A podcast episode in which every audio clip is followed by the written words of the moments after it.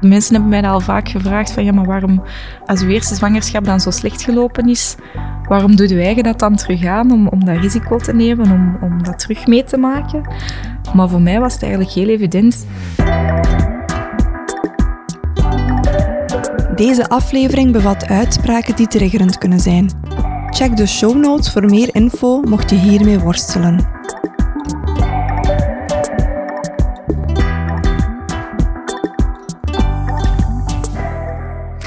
Ik ben Christine, ik ben 32 jaar op dit moment. Ik ben mama van Paps, die is bijna 9, Rune is bijna 7 en Roxanne wordt bijna 2. Ik ben getrouwd met Caroline, ondertussen uh, 12 jaar. Ik werk als sociaal verpleegkundige binnen de transitiepsychiatrie. Oké. Uh, voor de rest, ik trommel in een groepje van Famba, een uh, lesbisch-feministisch samba-percussiegroepje. Cool! ja. um, goh, en dat is het ongeveer, denk ik. Ja, Zeer de grote lijnen. Ja. En jullie hebben dus samen drie kinderen? We hebben drie kindjes. Uh, mijn vrouw is zwanger geweest van ons eerste kindje. Daar hebben we een fertiliteitstraject voor doorlopen met IVF uiteindelijk. Oké. En dan uh, de laatste twee kindjes heb ik gedragen, ook via fertiliteit, maar dat was een kort traject elke keer. Oké. Okay. Je zegt dat je twaalf jaar getrouwd bent met je vrouw Caroline en Babs is negen. Ja, hè? klopt. Of wordt negen. Ja. ja. Was het voor jullie altijd duidelijk van wij willen op een gegeven moment kinderen? Uh, voor mijn vrouw was dat eigenlijk altijd duidelijk dat ze kinderen wou. Voor mij niet echt. Dat is een heel proces geweest. Als, uh, als jongere dacht ik, ik wil nooit moeder worden. Um, omdat ik dacht dat ik dat niet ging kunnen. Ik heb zelf niet zo'n fijne jeugd gehad. Ik heb in jeugdzorg ook gezeten. En ik had vooral zoiets van, ik wil dat cirkeltje doorbreken. En mm-hmm. ik had best veel angsten of dat ik dat wel zou kunnen om mama te zijn. Maar mijn vrouw, ja, die had echt een heel grote kinderwens. En ik ben daar ook wel in meegegroeid met haar. Ja, of dat ik zelf zwanger wou worden, dat wist ik vroeger niet. Mm-hmm. Dat is heel wisselend geweest.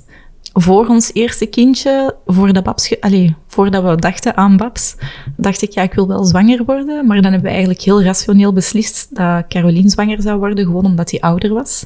Oké. Okay. Uh, die is vijf jaar ouder dan mij. Dus dan hebben we besloten dat zij eerst zwanger zou worden. En op zich is dat wel een goede beslissing voor mij geweest om eerst in de rol als partner daarbij te zijn dat maakte ook dat ik een beetje kon observeren hoe dat alles eraan toe ging. Mm-hmm. En dan, ja, toen dat Babs geboren was, toen dat hij een jaar was, dan hadden we zoiets van, oké, okay, we willen een tweede kindje.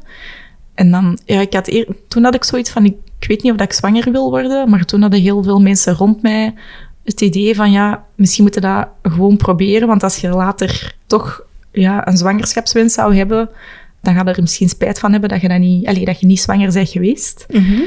En je kunt het niet terugdraaien. En wat deed dat met jou als mensen dat zeiden? Ik voelde me toen wel wat gepusht eigenlijk. Ik weet ook nog altijd niet of dat, dat de juiste beslissing geweest is om te wisselen uh-huh. van buikmama, van biomama. Net omdat mijn zwangerschappen wel moeilijk gelopen zijn. En ja, ook de postnatale periodes niet zo vanzelf zijn gegaan. Uh-huh. Dus ik heb daar nog altijd wel twijfels rond of dat, dat de juiste beslissing geweest is. Ik ben heel blij dat mijn kinderen er zijn. Uh-huh. Maar soms denk ik dat we het ons eigen moeilijk hebben gemaakt door van buikmama te wisselen. En is dat iets wat dat vooral jij voelt? Of is dat iets wat ook jouw vrouw wel kan beamen? Ik denk dat we dat allebei wel voelen. We hebben dat ook wel, allez, ik heb dat ook al wel uitgesproken gehad. Ja, ook omdat de rollen in ons gezin helemaal omgedraaid zijn geweest. Binnen lesbische koppels is dat zo'n beetje taboe soms. Van ja, je ziet u... Allez, ja, hoe moet ik dat zeggen? Ja, soms is dat wat, wat taboe binnen lesbische koppels. Van of dat je het kind dat je zelf niet gedragen zou hebben, of dat je dat dan wel even graag ziet of niet. Hè. Dat, dat mag soms niet gezegd worden. Ja. Dat dat soms wel een hele aanpassing vraagt Mhm. uh, binnen een gezin. En daar hebben wij wel tegen gebotst. En dat heeft ook wel meegespeeld, denk ik. Zo dat taboe dat daar rondging, heeft wel meegespeeld in mijn beslissing uh, Om het van zelf- zelf zwanger Ja. te worden. Ik wil eventjes inpikken over dat taboe dat je nu zelf net beschrijft. Mhm. Dat is de allereerste keer dat ik daarvan hoor, maar ik ben natuurlijk een hetero vrouw. Mhm. Ik heb wel lesbische koppels in mijn vriendenkring die Mhm. ook eh, kinderen hebben. Maar dat is iets wat ik nog nooit gehoord had. Dus ik vind dat wel heel Ja. fijn dat je dat ook gewoon eerlijk zegt dat dat iets is dat kan spelen? Mhm. Ja, ik denk dat dat zeker niet bij iedereen speelt. Maar toen dat wij zwanger probeerden worden van, van Babs, ja, dan hebben wij zo online een, een community wel wat gevonden Ja. van lesbische vrouwen die zwanger probeerden worden. Want ja, je hebt allee, bijna altijd fertiliteit Nodig, ja. nodig. Er zijn maar weinig vrouwen die op zichzelf proberen zwanger te worden. Dus we hadden wel een community gevonden en ik merkte wel dat dat, ja, dat, dat toch een taboe was. Ehm, zo het, het van de eerste seconde na de geboorte je kind even graag zien. Het, het moeten groeien in, in Mhm. ouderschap. Het, ja, het, het verschil in gevoel als je het niet zelf gedragen hebt. Als Babs geboren was, had ik eigenlijk heel hard het gevoel van oei, ik loop negen maanden achter. Ook Ja. al heb ik die zwangerschap wel meegemaakt en ook heel dat fertiliteitstraject daarvoor. Tijdens dat fertiliteitstraject had ik, ja, had ik als partner wel het gevoel van ik word hier een beetje ja, buiten gehouden. Mhm. Ehm, ja, gewoon, je, je kunt niet veel doen. Tegenover een hetero-koppel, ja, soms moeten die dan nog, alleen, nog zaad binnenbrengen Ja, of zo. Dat, ook of dat kun ja. je niet doen als Ja. lesbische vrouw. Je kunt Nee. alleen maar meegaan naar de consultaties en, en er gewoon proberen zijn. Maar ja, met alle hormonen is dat ook niet zo simpel. Mhm. en, en dat kan ook wel op je relatie wegen. Dus ik was wel blij dat die community er, er toen wel was. Maar toch waren er zo precies onderwerpen die, ja, die gevoeliger lagen. Ja. Ja, en als je dan vraagt naar ah, hoe voelt dat als meemama en zie je Mhm. die even graag of gaat dat even, even gemakkelijk om die aan te voelen bijvoorbeeld, ja, dan botst je al snel op eh, ja, een beetje verdediging soms bij mensen die dat, ja, zich misschien wat bedreigd voelen. Ja. Van, ah, de- zegt je dan dat ik, niet, Ja. dat ik geen even goede mama zou zijn of zo? Ja. Dat hebben we wel heel hard gemerkt. Ja. ja. En wat hebben jullie zelf gedaan, bijvoorbeeld doorheen die zwangerschap van Babs dan, wanneer jouw vrouw jullie eerste kindje droeg? Heb je toen stappen ondernomen van, oké, ik wil daar waakzaam voor zijn, dat ik inderdaad misschien met een achterstand gevoelsmatig moet beginnen? Eh, wat kan mij helpen? En wel, ik denk dat ik dat tijdens de zwangerschap van Babs nog niet zo helder zag. Ik heb wel altijd geprobeerd van ja, mee te gaan naar de afspraken op fertiliteit. Als dat je eerste kindje is, ja, dan is dat ook makkelijker, want je hebt geen andere kinderen Ja, waar dat je voor naar school moet rijden en, en allee, opvang moet zoeken. Dus dat was toen eigenlijk vrij gemakkelijk om, om overal wel mee naartoe te gaan altijd. En tijdens de zwangerschap zelf, ja, we hebben een, een zelfstandige voetvrouwenpraktijk gezocht. We zijn bij Wonderbaar terechtgekomen. Dat waren twee zelfstandige voetvrouwen in het Antwerpse. En die hebben mij als partner ook wel altijd ehm, Gezien. gezien. Ja. Ik ben ook ja, altijd mee geweest naar de zwangerschapsconsultaties. Dat was voor mij eigenlijk heel evident Ja. om dat mee te doen. Maar ze hebben daar ook wel heel bewust ruimte voor gemaakt. Ik denk dat ze dat, net zoals ze dat bij heterokoppels doen, dat ze dat bij ons ook gewoon gedaan hebben. En dat was ook wel fijn om te merken dat we niet ja, anders, Anders behandeld werden werden, of zo. ja. Ja. Zo moet het ook, hè? Absoluut, Ja. ja. Maar dat is niet altijd even Nee. evident. Ik weet toen dat wij ehm, ja, onze allereerste afspraak hadden op fertiliteit. Dat is uiteindelijk een ander ziekenhuis geworden, waar dat we dan zijn verder gegaan. Maar onze eerste afspraak op fertiliteit, daar ehm, waren we bij de gynaecoloog. En eh, eerst hadden ze zich tot mij gericht. En kwamen ze af met hier, die vragenlijst is voor in te vullen. En toen dat ik eigenlijk zei van, ja, maar ik ben niet degene die Mhm. zwanger wilt worden, dan was ik zo ineens precies lucht. Ja. Dat was Oh. heel gek om te merken. En toen hebben wij ook besloten van nee, deze voelt niet goed, we gaan naar een ander ziekenhuis. Ja, dat we in het andere ziekenhuis ook niet naar de psycholoog eerst moesten en dat dat in het eerste ziekenhuis wel protocol was. Dat speelde ook mee. Allee, dat, dat kwam echt wel aan toen. Van, ha, ik, allee, eerst praat je tegen mij Ja. en daarna tel ik precies Niet gewoon niet meer mee. mee. Echt, alle communicatie was rechtstreeks naar mijn vrouw. En allee, ja, ik zat er een beetje bij voor Ja. spik en bonen. Oh, Dus, zo ehm, jammer. Ja, maar dat gevoel hadden wij helemaal niet bij de vroedvrouwen. Ehm, daar voelden wij ons echt wel allebei gezien. De vroedvrouwen hebben ook altijd heel veel tijd genomen tijdens de consultaties. Ook ja, naar de bevalling toe, ja, alle uitleg ook aan mij gegeven. Ja. En ja, ze werken heel empowerend, maar niet alleen naar de vrouw die zwanger is, maar gewoon naar, naar, eh, naar het koppel. Ja. Dus ik ben daar ook wel heel erg bij betrokken Ja. geweest. Zoals het zou moeten, hè? Inderdaad, ja. Dus jullie hebben, als ik het goed begrijp, echt wel een vrij intensieve opvolging gehad tijdens de zwangerschap van Babsal, ook bij die zelfstandige vroedvrouw. Ja, we zijn eigenlijk van in het begin uh, van de zwangerschap zijn we, ja, na het fertiliteitstraject, op acht weken is dat denk ik dat dat afrondt. Ik heb naar de kraanvogel denk ik gebeld en gevraagd van, zeg, hebben jullie een praktijk waar dat we uh, naartoe kunnen gaan? En dan hadden ze twee praktijken doorgegeven en één was een praktijk van vijf vroedvrouwen en dan een praktijk van twee vroedvrouwen. En we hadden wel zoiets van, ja, vijf vroedvrouwen is misschien wat veel, want we willen echt wel die, ja, die nabije opvolging. En we willen weten allee, wie de vroedvrouw is die dan bij de bevalling ook gaat zijn. Dat vonden we alle twee heel belangrijk. Dat we die een band wel opbouwden tijdens de zwangerschap. Dus dan hebben we voor die kleine praktijk gekozen en ik heb mij dan nog geen seconde beklaagd. Geen seconde beklaagd, ja. Goed naar je buikgevoel geluisterd. Absoluut. Je kreeg echo's bij de gynaecoloog, veronderstel ik, dan gewoon de drie echo's? Of? Ja, bij de zwangerschap van Babs hebben wij drie echo's bij de gynaecoloog gehad en voor de rest gewoon bij, de voetvrouw opgevolgd. Ja. En wat was het plan voor jullie bevalling? Uh, het plan voor de bevalling oorspronkelijk was een ziekenhuisbevalling. Uh, mijn vrouw wou toen niet thuis bevallen. Heeft zelf ja, geneeskunde gestudeerd. En heeft tijdens haar opleiding eigenlijk vooral de pathologie gezien, mhm. waardoor dat ze zich niet zo goed voelden eigenlijk bij een thuisbevalling.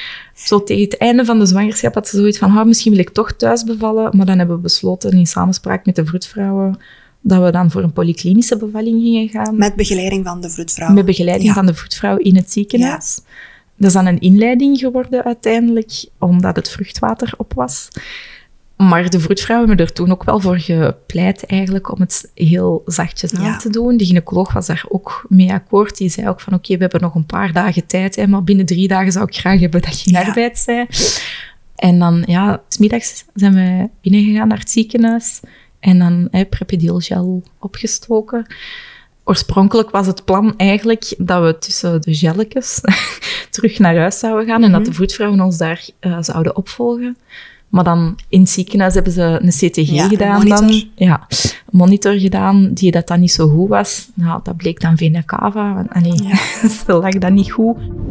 Dat bleek dan vena cava. Vena cava.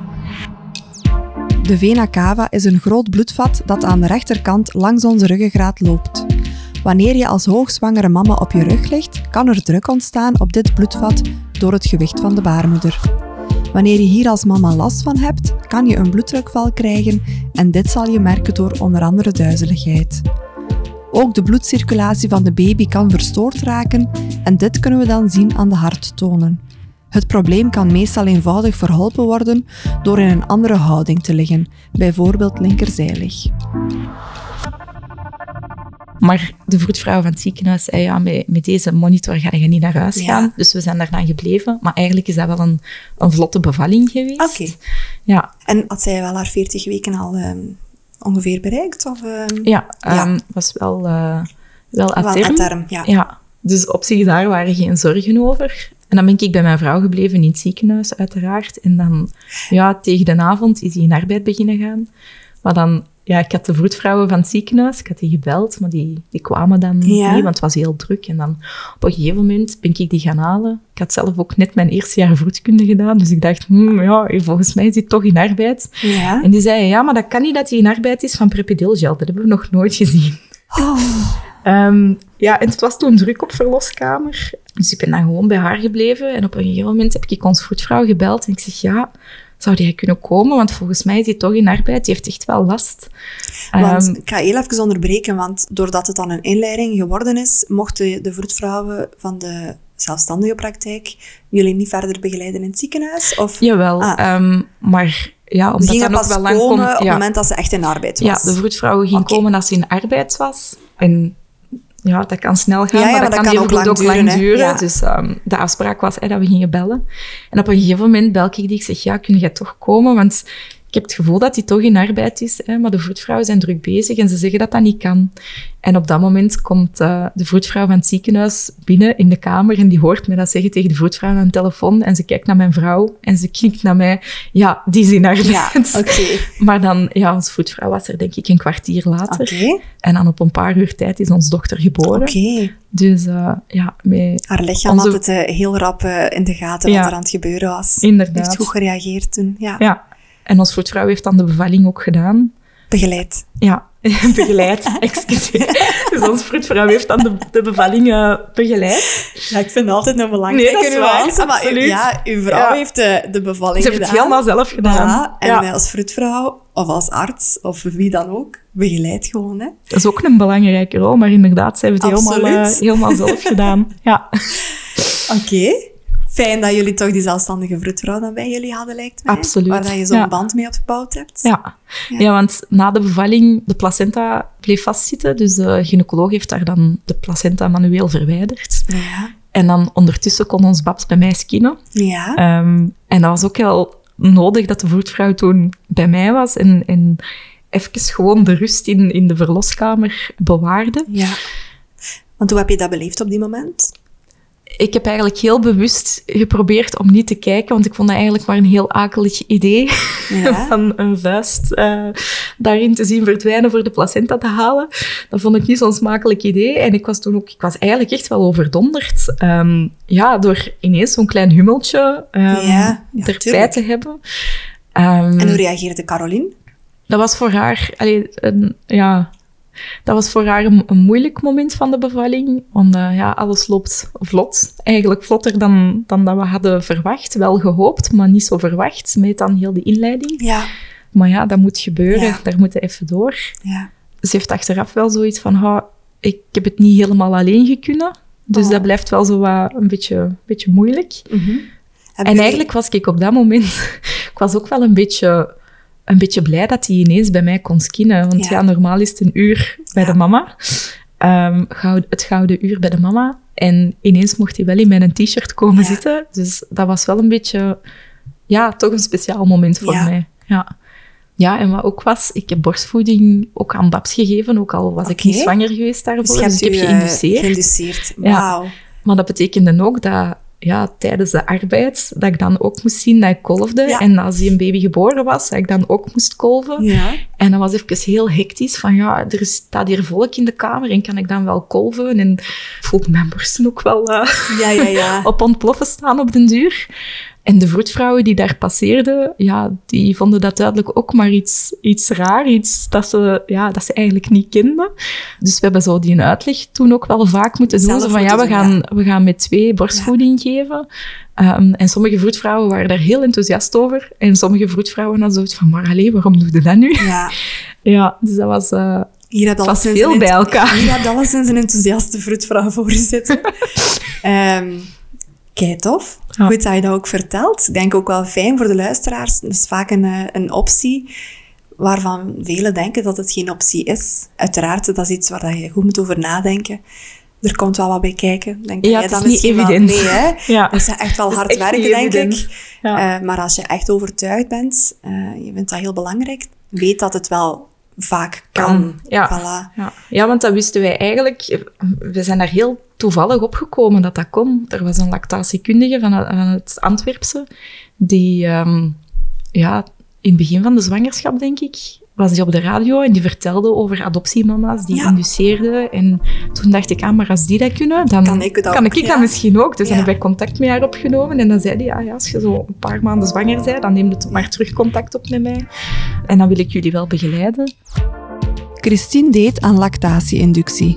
Als je benieuwd bent hoe dat specifiek in zijn werk gaat en wie dit kan inzetten, dan heb ik goed nieuws. Ik ga binnenkort een aflevering maken met een lactatiekundige die zich hierin gespecialiseerd heeft. Maar dat was een heel avontuur, want ik kende ook totaal niemand die dat, Die dat deed, die dat ja. deed. En ben dan wel zo'n paar verhalen gaan opzoeken op internet, maar er was heel weinig over Ja. te vinden eigenlijk. Wel van Amerikaanse mama's die met een klein adoptiebabytje dat deden, maar in België of Nederland eigenlijk ja, heel Bitter weinig, weinig, info. ja. Maar ik ben wel blij dat we dat, dat we dat gedaan hebben. Maar het was wel heel veel moeite. Ja. het, is, het is echt niet evident. En ik heb daar ook wel... Ik heb daar heel gemengde reacties op gekregen. Ja, ook mensen uit onze omgeving, sommigen die zo hadden van, ah ja, dat is gemakkelijk, dan kun je het met twee delen. Maar ook allee, evengoed reacties van mensen van, ah, dat is pervers en waarom zou je geen kind aan je borst willen dat je zelf niet gedragen hebt? En, allee, dus dat waren ook soms wel heel harde reacties. Oeh, ja. En tegelijkertijd moet je gemotiveerd blijven om om de twee, drie uur te kolven. Ja. Tegen het einde van de, van de zwangerschap dan ook, ja, s'nachts ook te kolven. Ik heb ehm, die periode drie borstontstekingen gehad en spruw gehad voordat, Oh. voordat Babs geboren was. Dus ehm, ik heb wel wat uitdagingen gehad Ja. bij het induceren. Het is niet dat het vanzelf Van gegaan is. gegaan, nee. ja. En klopt het dan ook? Want ja, heb het zelf ook nog maar één keer in de praktijk geweten. Mhm. Dat je de eerste dagen dan zelf als meemoeder het kindje niet aanlegt best. Ja. Wel uiteraard blijft stimuleren. Ja, ehm, dus de, ja, de afspraak een beetje was van de eerste tien dagen, denk Ja. ik, dat eh, mijn vrouw alleen Bab zou voeden en dat we dan zouden zien, hè, als ze goed bijkwam in gewicht en de productie van mijn vrouw kwam op gang, dat we dan zo hè, met één voeding zouden beginnen en zien welk... Per dag bedoel je dan? Ja, per dag. En dan zouden zien welk resultaat dat, dat Ja. het gewicht zou hebben. Maar dat is eigenlijk heel vlot gelopen. Ja. Die wou ook direct drinken aan de borst bij mij. Dus Was ze ook al eerder aan het zoeken? Ik kan mij voorstellen, die eerste Ja. tien dagen Ja, als aan het En dat is. waren wel moeilijke momenten. Ja. Zo van, ah, ik merk dat ze aan het zoeken is, maar ik mag ze nog niet aanleggen. Ja, ik denk ook niet dat we uiteindelijk tien dagen gewacht hebben. Ik denk dat we iets, iets daarvoor toch al geprobeerd hebben. Ja. Ook omdat het gewicht... Allee, het de borstvoeding liep goed, dat Ja. gewichtje ging goed omhoog. Dus ehm, ja, Wauw. Dikke pluim. Echt. dank Ik vind dat heel fijn dat je dat deelt, dat je dat gedaan hebt. Ja, Mai. ja, dat was van, bij mij ook zo'n beetje... Ik vond borstvoeding heel belangrijk. En mijn vrouw die had zoiets van, ja, ik vind dat ook belangrijk, maar ik wil drie maanden proberen. En zo Mhm. begint dat vaak. Zo, ah, Ja, ik wil wel klopt. proberen, maar hè, drie maanden en dan moet ik terug gaan werken, want die was haar assistentschappen ook nog aan het doen. Dus eh, ja, die moest na drie, vier maanden moest die terug gaan werken. En zo had ze zoiets van, ja, ik weet niet of dat ik dat ga kunnen combineren. En ik dacht, ja, maar ik blijf thuis bij haar. Want dat was het plan, hè, dat ik een jaar zou thuis blijven bij, bij Babs. Ik dacht, als ik thuis blijf, ja, dan kan ik even Ja. zien dat ik zelf borstvoeding geef. En dan heeft ze dat toch gehad. Ja, en zo zijn we er wat ingerold. En uiteindelijk heeft hij vijf jaar borstvoeding gehad. Dus- Wauw. Oh, ja. Zalig.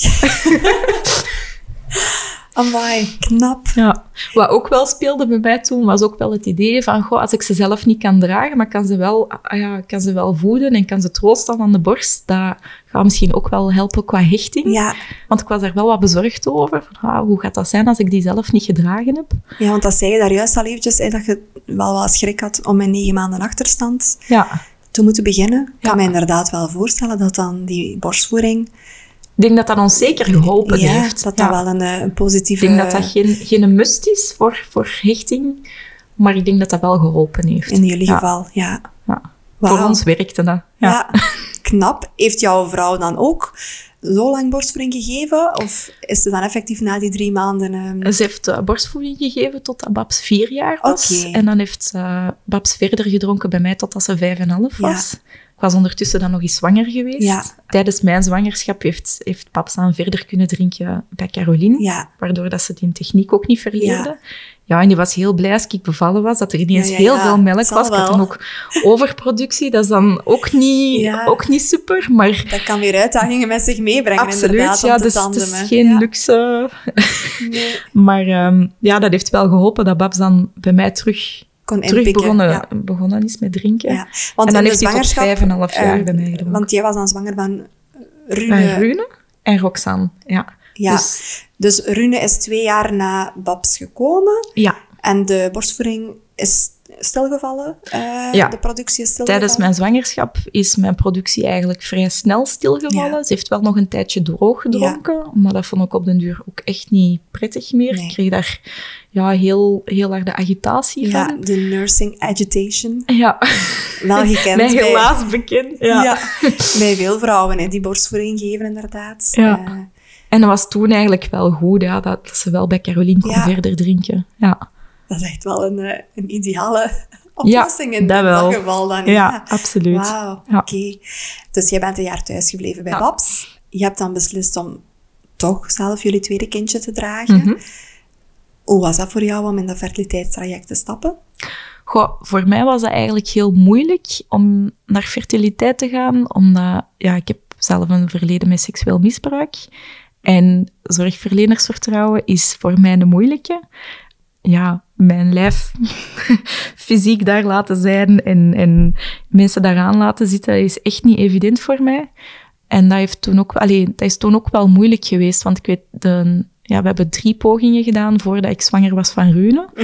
Ehm, en de eerste poging, dat was eigenlijk ja, met een assistent gynaecologie erbij. De gynaecoloog stond er ook wel bij in de kamer, maar de assistent ging die inseminatie doen. En dat was eigenlijk best hardhandig. En er was geen ruimte om vragen te stellen. Ik denk dat ze toen misschien ook dachten van, ah ja, het is het tweede kindje, dus het zal allemaal wel gekend zijn. Maar ik lag daar wel zo van, ja, maar dit is mijn, mijn Ja. eerste keer dat ik hier lig en dat dit bij mij gebeurt. En ik had best wel vragen eigenlijk, waar dat toen geen ruimte voor was. Ja. En ik weet, ik ben toen, ja, s morgens moesten wij naar fertiliteit en in de namiddag had ik afgesproken met een aantal mama's met hun kinderen om naar de zoo te gaan. En ik heb toen heel de tijd zitten wenen, wenen, wenen, omdat ik zo overdonderd was over, ah, dit gebeurt gewoon met mijn lijf en er is geen ruimte voor vragen en deze was te hard en deze triggert eigenlijk heel veel. Mhm. En ik weet dat ik toen, ik, ik heb toen aan mijn vrouw gebeld en ik heb gezegd, als, als het op zo'n manier moet, dan, dan wil ik dit niet meer. Mhm. Dan mocht jij zwanger zijn, maar dit hoeft echt niet voor mij op deze manier. En dan hebben we dat wel besproken gehad in het ziekenhuis. Van kijk, eigenlijk was deze niet oké. Er was geen communicatie. En oké dat het een assistent is die moet leren, maar we verwachten wel dat als het een assistent is en die eh, slaagt er niet in om die communicatie goed te krijgen, dat de gynaecoloog dat eigenlijk overneemt Absoluut. ze hebben daar ook wel, allee, ze hebben daar wel naar geluisterd. En de tweede, allee, tweede keer, tweede inseminatie, dat liep eigenlijk veel rustiger. En dan had ik zoiets van, oké, als het op deze manier ook kan, dan Ja. wil ik het wel een kans geven. Ehm, ja, die zo, allee, dat was dan een heel prille zwangerschap, maar allee, echt heel snel misgelopen. Ja, dat weet je op voorhand, dat die kans er wel in zit.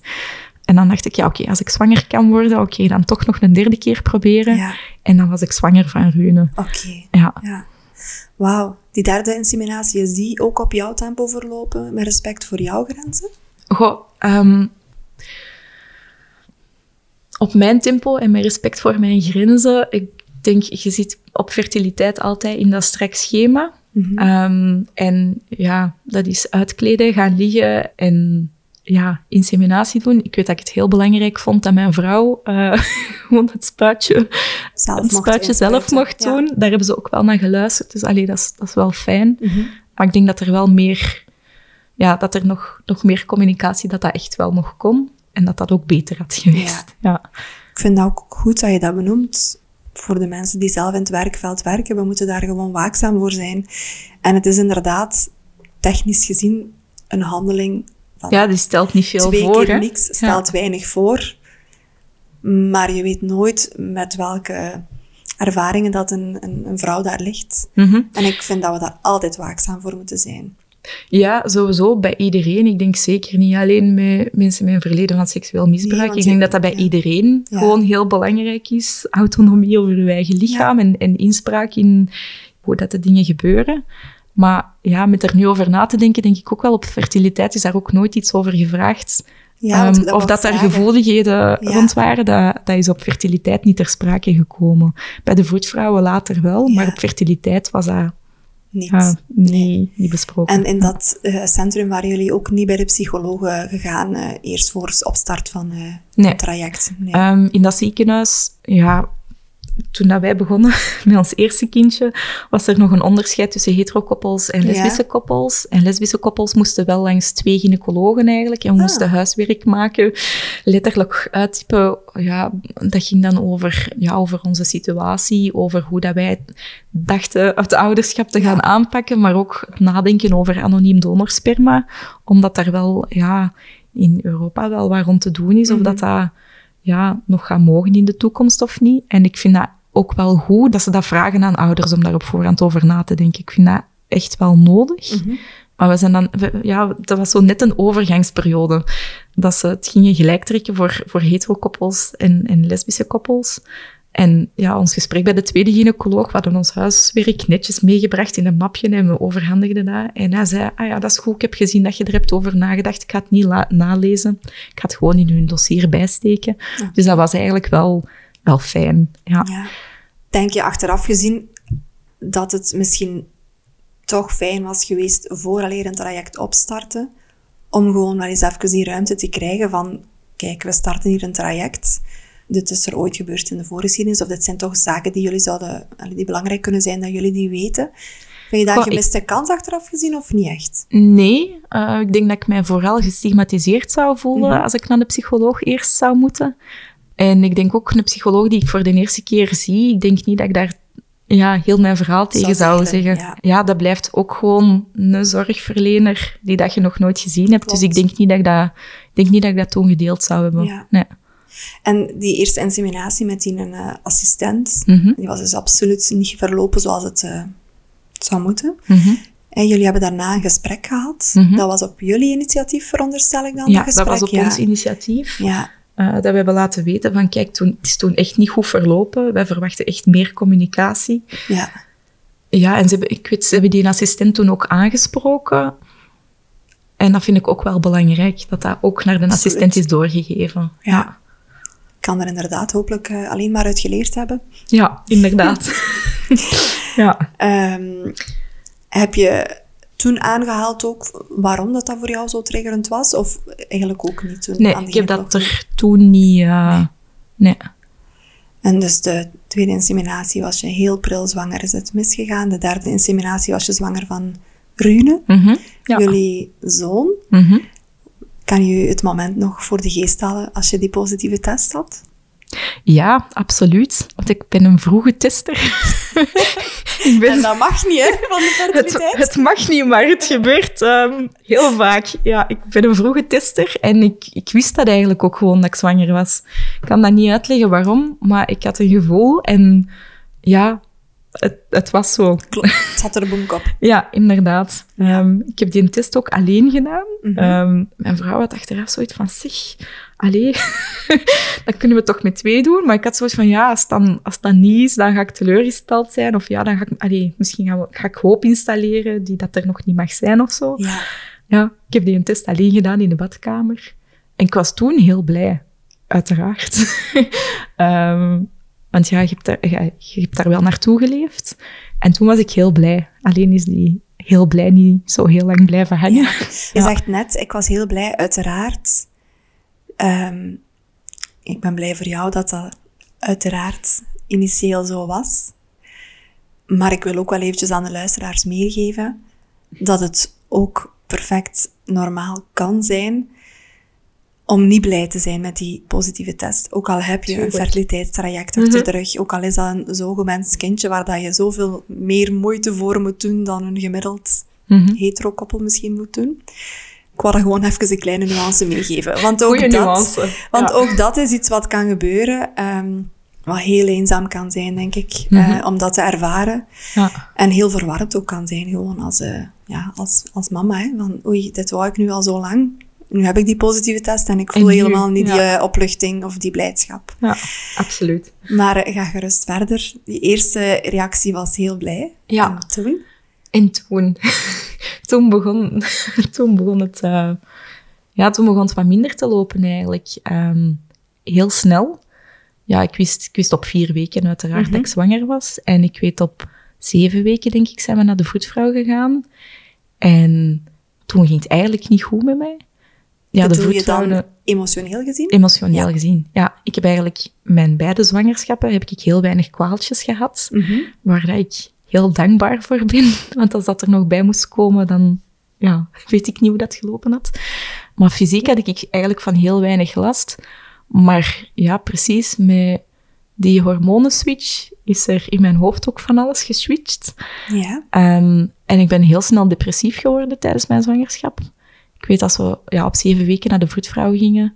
Ja, die kon nog niet veel doen. Dus het ging eigenlijk vooral over het... Over, ja. Over het, Hoe eh, voelt dit nu? Ja, hoe ervaar je dit? Ja. Ja. Ehm, en ik ben daar beginnen wenen. Want ik voelde mij helemaal niet meer blij. Allee, ik was wel nog... Langs de ene kant was ik wel nog blij dat, dat er een kindje ging bijkomen, dat er een zwangerschap was. Maar ik voelde mij één emotionele chaos. Mhm. En ik kon die zelf ook totaal niet plaatsen. En wat ik die weken, ja, zo vanaf zeven weken, acht weken, wat ik heel eng vond, was dat ik ja, echt de gedachte had van, ja, ik, ik wil dit niet meer. Mhm. Kan ik deze nog ongedaan maken? Mhm. En dat ik ook, ik kreeg cravings naar dingen die dat abortief waren. Ja. En ik vond dat heel vies, dat mijn lichaam precies zoiets had van, dit, dit moet stoppen Ja. Dat vond ik echt het moeilijkste toen in het begin van de zwangerschap.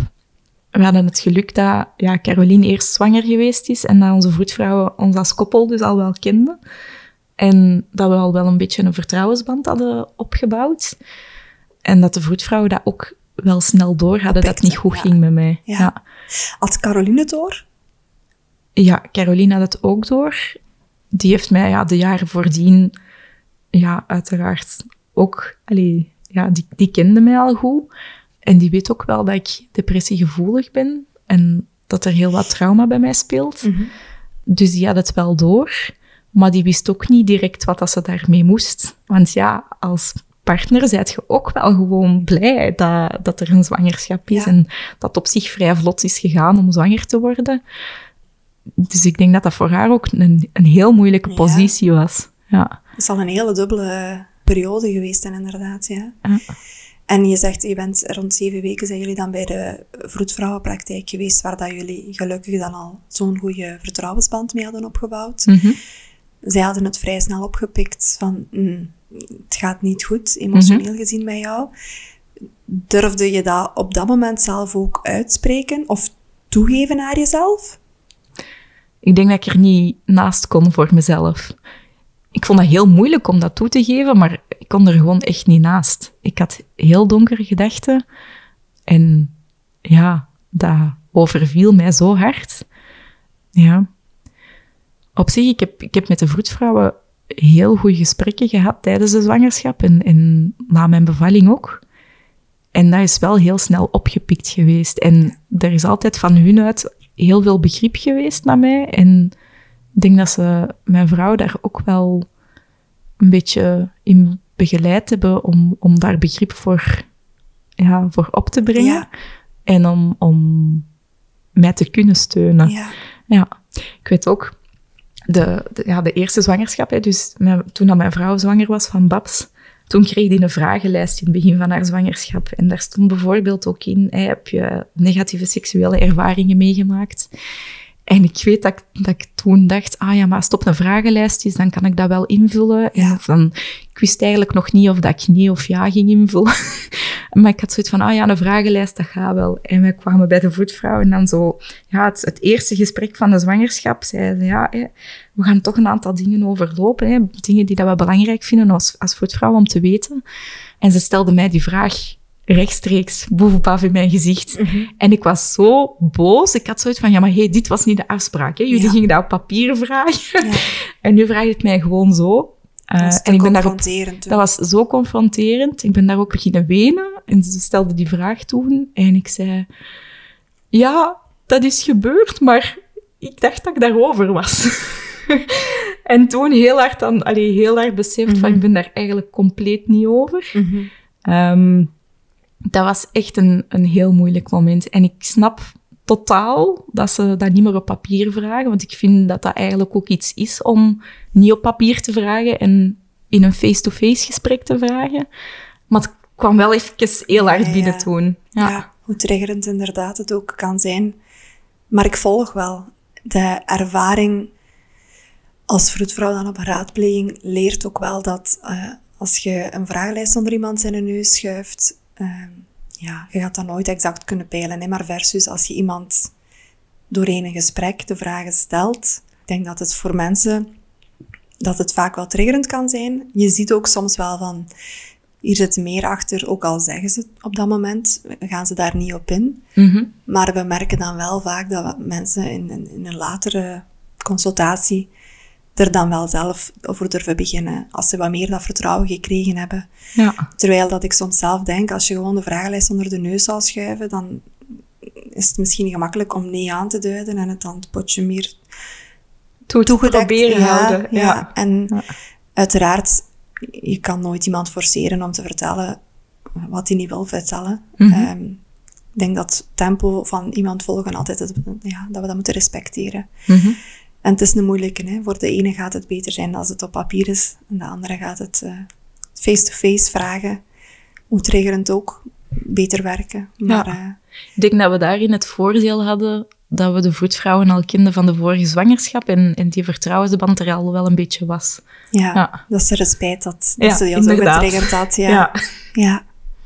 En toen, en je zegt, je bent depressiegevoelig, je had vrij rap heel donkere gedachten. Mhm. Welke klachten of welke zaken ervaarde jij toen nog? Goh, ik was, ik was heel neerslachtig. Ik twijfelde ook of dat ik die zwangerschap, of dat ik die wel wou verder zetten. Hoe geschift dat dat nu voor mij ook klinkt, want ik ben echt heel blij met mijn kinderen. Maar toen was dat precies iets onoverkomelijk. Ik denk niet dat ik toen in de zwangerschap al suicidaal was. Dat weet ik eigenlijk niet zo goed meer. Maar ik, had, ja, ik was heel neerslachtig, ik had geheugenproblemen. Sliep ik- je nog goed? Nee, ehm, maar ik heb sowieso veel problemen met slapen, maar dat is wel iets dat, ja, dat, dat triggert elkaar. Ja. Ehm, als het minder goed gaat met mij, dan slaap ik slechter, maar als ik slechter slaap, dan gaat het ook sneller minder Ja. goed. Dus dat is iets waar dat ik wel van weet dat ik, daar, dat ik daarmee moet, allee, ja, dat ik daarop moet letten. Niet waakzaam voor zijn, ja. Ja, ja. Ehm, ja, ik heb ja, voor mijn zwangerschap van Rune dan heb ik, heb ik nogal een, een aantal depressies gehad, als, als puber ook. Ehm, en ik heb wel periodes gehad waarin ik antidepressiva nam, Mhm. maar ja, ik wou dat ook niet... Ja, ik wil dat niet heel mijn leven nemen. Ik weet dat er mensen zijn die dat wel doen, en dat is prima voor hun, maar voor mij werkt dat niet. Mhm. En ook tijdens mijn zwangerschap had ik zoiets van, ja, nee, allee, ik wil geen medicatie nemen en ik ben onzeker over hetgeen dat dat zou doen ja, met mijn ongeboren kindje. Dus ik heb toen tijdens de zwangerschap geen medicatie genomen. En achteraf vind ik dat wel een beetje, een beetje jammer. Ehm, Mag ik heel eventjes teruggaan? ja. Je was toen bij de vroedvrouw, je, ja, de vraag was triggerend, je bent beginnen huilen. Je hebt, mhm. heb je toen ook echt kunnen eh, uiten aan de vroedvrouw dat het echt niet goed ging met jou? Ja, ik heb ehm, heel snel aan de vroedvrouwen aangegeven van, ik voel mij echt niet goed. En hebben zij jou dan doorverwezen naar een psycholoog, psychiater, eh, gespecialiseerd iemand? Dat weet ik eigenlijk niet Want meer. wie heeft dan de medicatie geopperd? Of is dat niet voorgesteld geweest in Dat de is- zwangerschap? Goh, ik denk dat de vroedvrouwen dat wel hebben aangehaald, maar dat ik daar zelf te onzeker over was. En, en ja, misschien te veel negatieve berichten over had gelezen of zo, dat ik dat wat afhield. En ik weet eigenlijk niet meer of dat ze mij toen echt naar iemand hebben doorverwezen. Ik ging ook wel naar de huisarts, Mhm. maar ja, dat was vrij beperkt. En ik ging toen niet naar een psycholoog. Ik had het ook wel wat gehad met de hulpverlening eigenlijk op dat moment. Ik had al heel veel hulpverleners gezien in mijn jeugd en ik was die een beetje moe. dus ik weet ook niet of dat een, een doorverwijzing of dat dat op dat moment of dat ik dat zou aanvaard Ja. hebben. Ik heb mij door die zwangerschap eigenlijk met, met de steun van de voetvrouw en mijn partner en een beetje de huisarts ja, wat doorgeploeterd. Ja. Maar zo, op- zo klinkt het inderdaad dan wel. Hè? Als je zo neerslachtige gedachten hebt, donkere gedachten hebt, slecht Mhm. slaapt, dan, ja, dan negen maanden, dat is al hele lange tijd. Ja. Zeker als je terwijl een marathon aan het lopen bent, door gewoon een baby ook te groeien. Ja, dat En is waar. ondertussen En al ondertussen een kind voor, op te voeden, voor de peuter te Ja. zorgen. Ja, want Ja. dat was wel heel zwaar. Vooral de zorg voor de peuter was toen Ja. een beetje te veel. En die ging ook niet naar de crash, want ja, ik was thuis met haar. Maar we hebben wel het geluk gehad van een paar mama's uit een mamagroep gehad te hebben, die daar ja, een paar halve dagen per week op babs pasten Ja. en daar uitstapjes mee gingen doen. Ja. En dat ontlastte mij toen wel enorm. Dus dat was wel, dat was wel heel fijn dat dat wel kon. ja. Als je nu terugkijkt op die zwangerschap van Rune, Mhm. en je zegt in die momentjes dat ze eventjes iets kon doen met andere kinderen of met andere mama's, wat had jou nog kunnen helpen? En ik stel die Achteraf, vraag, eh, ja. hè, omdat je hebt het, je hebt het doorgeploeterd. Eh, ja, ik denk vooral als iemand luistert en zich eigenlijk een beetje herkent. Ja, ik kan me voorstellen als je zo moe bent, zoveel donkere gedachten hebt, ja, dat dat ook heel eenzaam is en dat je soms zelf niet tot die oplossingen kan komen van wat kan mij nu effectief helpen. Mhm. Dat zelfs zo ver nadenken soms gewoon te, te moeilijk is. Ja, Dus inderdaad. daarom dat ik u de vraag stel van als je daar zo nu op terug reflecteert, zeven Mhm. jaar later, wat had jou misschien kunnen helpen? Ehm, een outreach team. Oké. Ehm, mijn tweede zwangerschap heb ik anders aangepakt. Met de wetenschap van de eerste zwangerschap, eh, ja, hoe dat die gelopen is. Ja, dan hebben wij het outreach team ingeschakeld om een, eh, ja, een, een postpartum depressie, een peripartum depressie, op tijd te, on, allee, ja, te, Te onderscheppen onderscheppen. eigenlijk. Ja.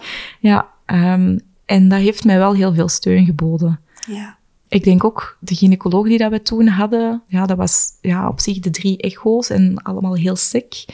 Wat ook hetgeen was dat wij verwachten van de gynaecoloog. Maar ik heb wel het verschil gemerkt met de gynaecoloog die dat ik had tijdens mijn tweede zwangerschap, die zelf ook echt zoiets had van... Goh, kijk, ja, mijn tweede zwangerschap was tijdens corona. En die zei ook, kijk, ik zie hier heel veel mama's die het moeilijk hebben tijdens de zwangerschap. Maar bij u gaan er mij toch een paar alarmbelletjes rinkelen met hoe dat vorige keer gelopen is. En ik wil echt dat je een keer contact opneemt met het outreach team om gewoon eens te horen van wat kunnen jullie betekenen. Ik heb dat toen ook gedaan en dat heeft mij, allee, dat heeft mij heel veel gebracht. Ja. Ja.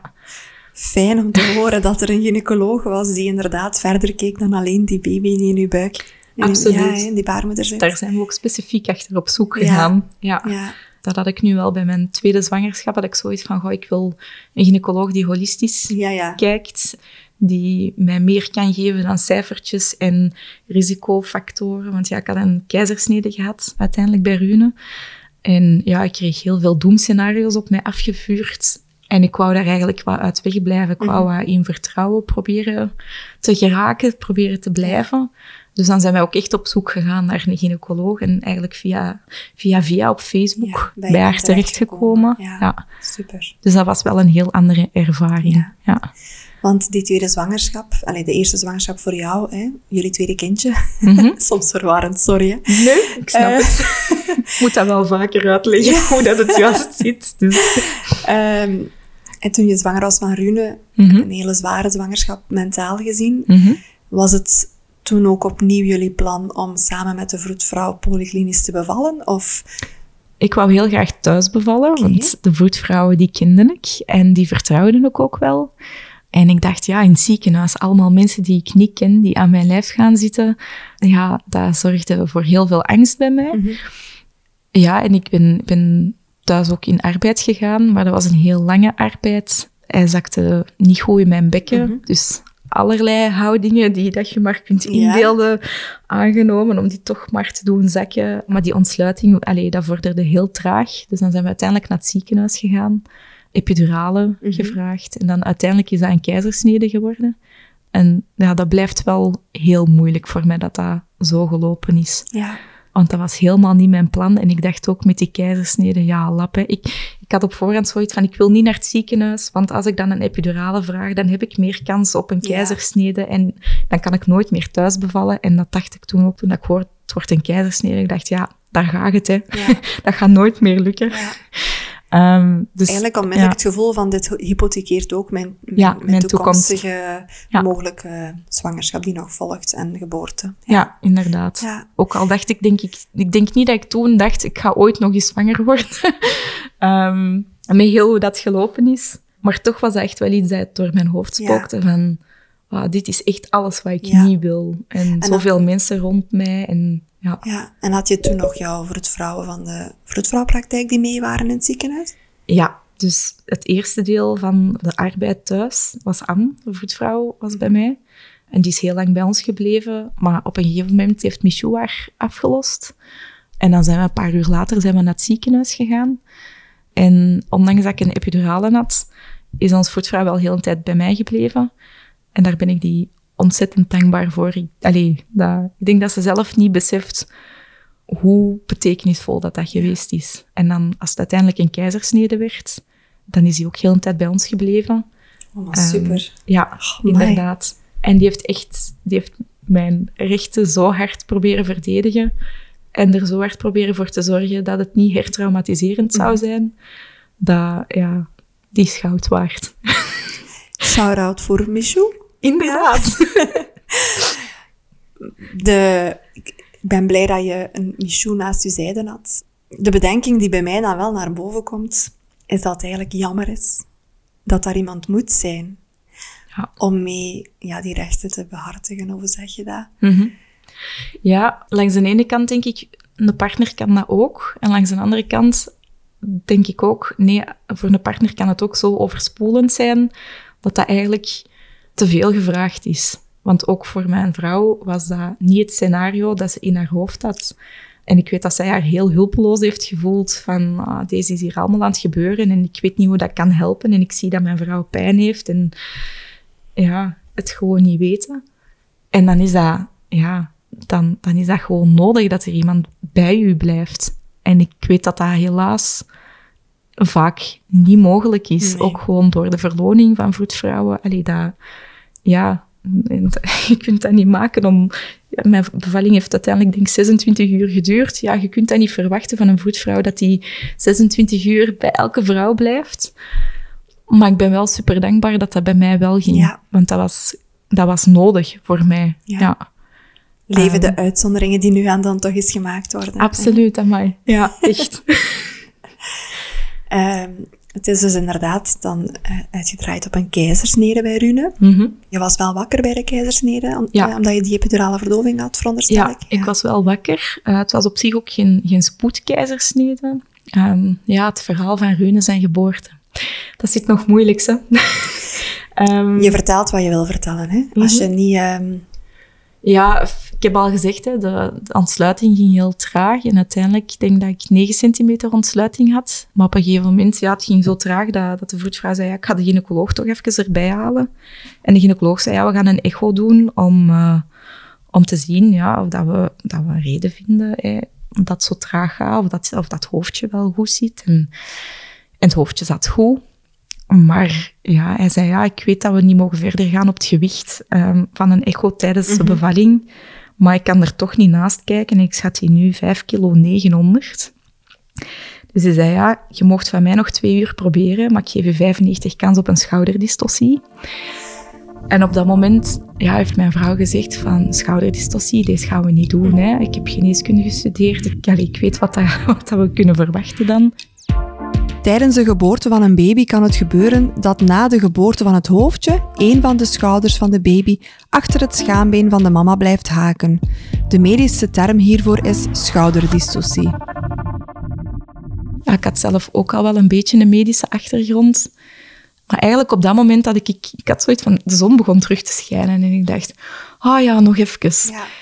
Maar op dat moment werd er dan beslist van, ja nee, we gaan ineens een keizersnede doen, we gaan niet nog twee uur wachten. En dan uiteindelijk is hem eruit gekomen met 4,50 kilo. Ja. En dat was voor mij echt een hele bummer, want ik had zoiets van, deze is mij aangedaan eigenlijk voor niks. Dat, dat, allee, het was niet nodig geweest. En ook daardoor ga ik nooit niet meer thuis kunnen bevallen. En ja, dus dat was echt wel heel heftig. En um, ja, normaal in dat ziekenhuis is de keizersnedekamer op dezelfde gang en moet je niet heel het ziekenhuis door. Um, ik weet op het moment dat ze hebben gezegd van uh, het wordt een keizersnede, uh, ik heb een berichtje gestuurd naar een vriendin. Help, het is hier alles aan het worden dat ik niet wil. Ja. Maar ik kon ook niet meer praten. Ik was eigenlijk best gedissocieerd. Ik had juist vragen, was je aan het ja. dissociëren? Ja. ja, eigenlijk heel hard. Ja. en dat vind ik achteraf ook heel moeilijk, dat ik de bevalling van mijn kind, dat ik gewoon, ja, er niet helemaal bij was. dat, mhm. ik, dat ik dat heb afgesneden van mezelf. Ja. Um, en dan, ja, het was, uh, het was een weekenddag. En uh, er was één OK waar dat ze dan de keizersnedes wel nog deden. Dus het was niet in de keizersnedezaal. Dus dat was uh, ineens klaarmaken en huppakee door de gang.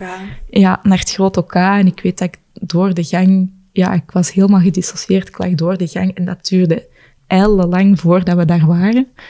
En dat was allemaal zo technisch en zo cool en afstandelijk. Ja. En ze hebben misschien, allee, misschien hebben ze dat wel geprobeerd, want allee, ik wilde echt geloven dat dat personeel daar echt wel oog voor probeerde te hebben, maar dat was allemaal zo...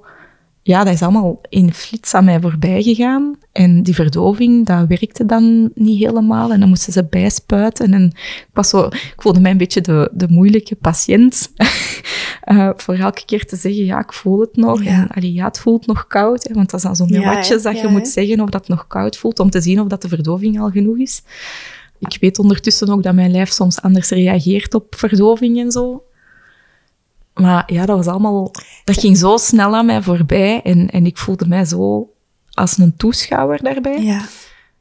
Maar ik was wel heel blij dat Michou, onze vroedvrouw, die heeft heel een tijd bij Caroline gezeten. Ja. Toen dat, want Caroline mocht nog niet bij mij in het OK Ja, tijdens de verdoving. Ah ja, bij de Ja, verdoving niet. Bij de verdoving niet. Dus Caroline heeft dan zitten wachten. En ja, die was ook helemaal overstuur. En ik vond het wel super mooi dat onze voetvrouw toen bij haar gewoon erbij heeft gezeten en er voor haar was. Want dat was ook Nodig. nodig, Ja. broodnodig. Ja. Maar ook al heb ik mij op dat moment heel eenzaam Ja. gevoeld. Maar ik was wel blij dat Caroline zich Ja. op dat moment niet zo eenzaam moest voelen. In de ideale situatie was er gewoon ook nog een tweede Nog een persoon tweede, geweest ja. die eh, zich zowel over jou kon ontfermen, Ja, zodanig dat ja, de collega... Ja. Dat is het vaak, hè. Ja. vaak kiezen tussen de zwangere of de partner. En het is jammer dat we moeten kiezen vaak, hè. Mhm, ja. ja, dus allee, die keizersnede, dat is echt ja, heel moeilijk gelopen. Wat dat ik ook echt heel lastig vond en eigenlijk hertraumatiserend vond, is dat mijn armen vastgebonden werden Mhm. op, het, op, op de Het tafel. Ja. Ja. En ze zei toen ook tegen mij, want ik zei, ja, moet dat echt? En ze zei, ja, dat moet, want anders kun je het veld onsteriel maken. En ik dacht, ja, maar ik ga, echt niet, ik ga Ja. dat echt niet doen. En ik had gevraagd van, eh, mag ik meekijken? Mhm. En dan zei ze, ja, je kunt meekijken in de lamp. Maar dat is zo een super felle lamp die schijnt. Ja. En je kunt, zeker als je... Allee, ik denk dat je sowieso er niet echt in kunt kijken. Maar als je heel de tijd aan het wenen bent en je ogen zitten vol met tranen, dan zie je echt niks. Nee. En dat heb ik wel heel hard gemist. Ja. Dat, dat heeft er wel ingehakt dat ik, dat, dat ik ook dat niet kon volgen Ja. wat ze met mijn lijf aan het doen waren. En dat ik mijn, mijn kind niet Heb zien heb zien geboren worden. En dan, allee, ze tillen die eruit en dat is, oh, proficiat. En dan, ze hebben die dan ook even meegenomen. Die was helemaal oké, maar ze hebben die dan even meegenomen voor de eerste check-up. En ehm, ja, mijn voetvrouw stond links achter mij. En ik weet dat ik op een gegeven moment ben, ben beginnen zeggen van... Ja, waar, waar, waar is Rune? Waar is Rune? Ik wil mijn kind. En dan is hij even gaan horen van... Ja, kan, kan, kan de baby terugkomen, terugkomen? Want de mama is echt in paniek aan het geraken. En dan is hij vrij snel bij mij gekomen. Maar die minuten, dat duurde echt Ja. uren in mijn hoofd. En ja, dat blijft wel zo... Ja, dat, blijft dat blijft heel wrang. Ja. Ja. Dat je eigenlijk de eerste momenten sowieso toch hebt moeten missen. Ja, en langs de andere kant denk ik soms, ik mag niet klagen, want er zijn mama's die in slaap zijn tijdens hun keizersnede, die, ja, die, die zelf heel ziek zijn en de eerste dagen niet voor hun kind hebben kunnen zorgen. En ja, doordat onze vroedvrouw bij ons was, na die een check-up heeft hem bij mij gelegen. Ze heeft die helpen aanleggen aan de borst. En ja, zij is bij mij gebleven op recovery, zo, zodat Rune ook bij mij Ja. kon blijven. Want anders ja, hadden wij apart moeten liggen. Dus dan denk ik, ja, ik mag niet klagen. en, tegelijkertijd, en tegelijkertijd blijft dat echt heel veel pijn Ja. doen dat dat zo gelopen is. Ja. Ja. En ik denk dat ook dat er helemaal mag zijn. Je mag wel klagen. Je mag wel teleurgesteld zijn. Gewoon omdat het ten eerste niet gelopen is zoals je wou dat het zou lopen. Het was echt wel van plan A naar eh, plan Z. Ja. Het andere uiterste. Mhm. Als je dan op dat moment het gevoel hebt ja, dat je dissocieert, dat je nog weinig betrokken wordt bij beslissingen die genomen worden. Mhm. Want zo klinkt het wel een beetje. Of vul ik het verkeerd in? Eh, nee, ik denk niet dat je het verkeerd invult. Want ik denk dat ik zelf toen zoiets had van... Oké, ja, we gaan nog even proberen. Maar eigenlijk, ja, Werd de beslissing werd de toch beslissing genomen? toch voor Ja. mij genomen. Waarmee dat ik niet wil zeggen dat ze niet hebben geprobeerd van naar mij te luisteren. Maar iedereen zit op dat moment met van alle gevoelens. En Mhm.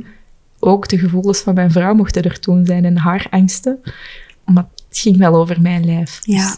Dus dat is een, een hele moeilijke en een Ja. hele dubbele. Ja. Ja. Je was toen bevallen hè, van Rune. Je lag op recovery. Gelukkig lag je dan bij jou. Ja. Ehm Caroline was ook bij jou, veronderstel ik? Ja, ja. die was ook heel de tijd bij ons. Ja. Eigenlijk van, vanaf de geboorte ja, zijn we wel bij elkaar gebleven. En toen? En toen, toen eh, zijn we naar de kamer gegaan. En ja, overdag was Caroline bij mij. En ja, ik weet dat ze in de gang iemand was te- een, een vriendin was tegengekomen. En ehm, die vriendin zei, oh ja, proficiat, ik zal ze langskomen. En Caroline zei, ja, nee, nee, doe dat maar niet, want het gaat eigenlijk echt helemaal niet zo goed. En, en die vriendin die vond dat toen heel raar, maar heeft dat op zich wel gerespecteerd. Ik wou ook eigenlijk toen niemand zien, want allee, ik was zo overdonderd door al wat dat er gebeurd was.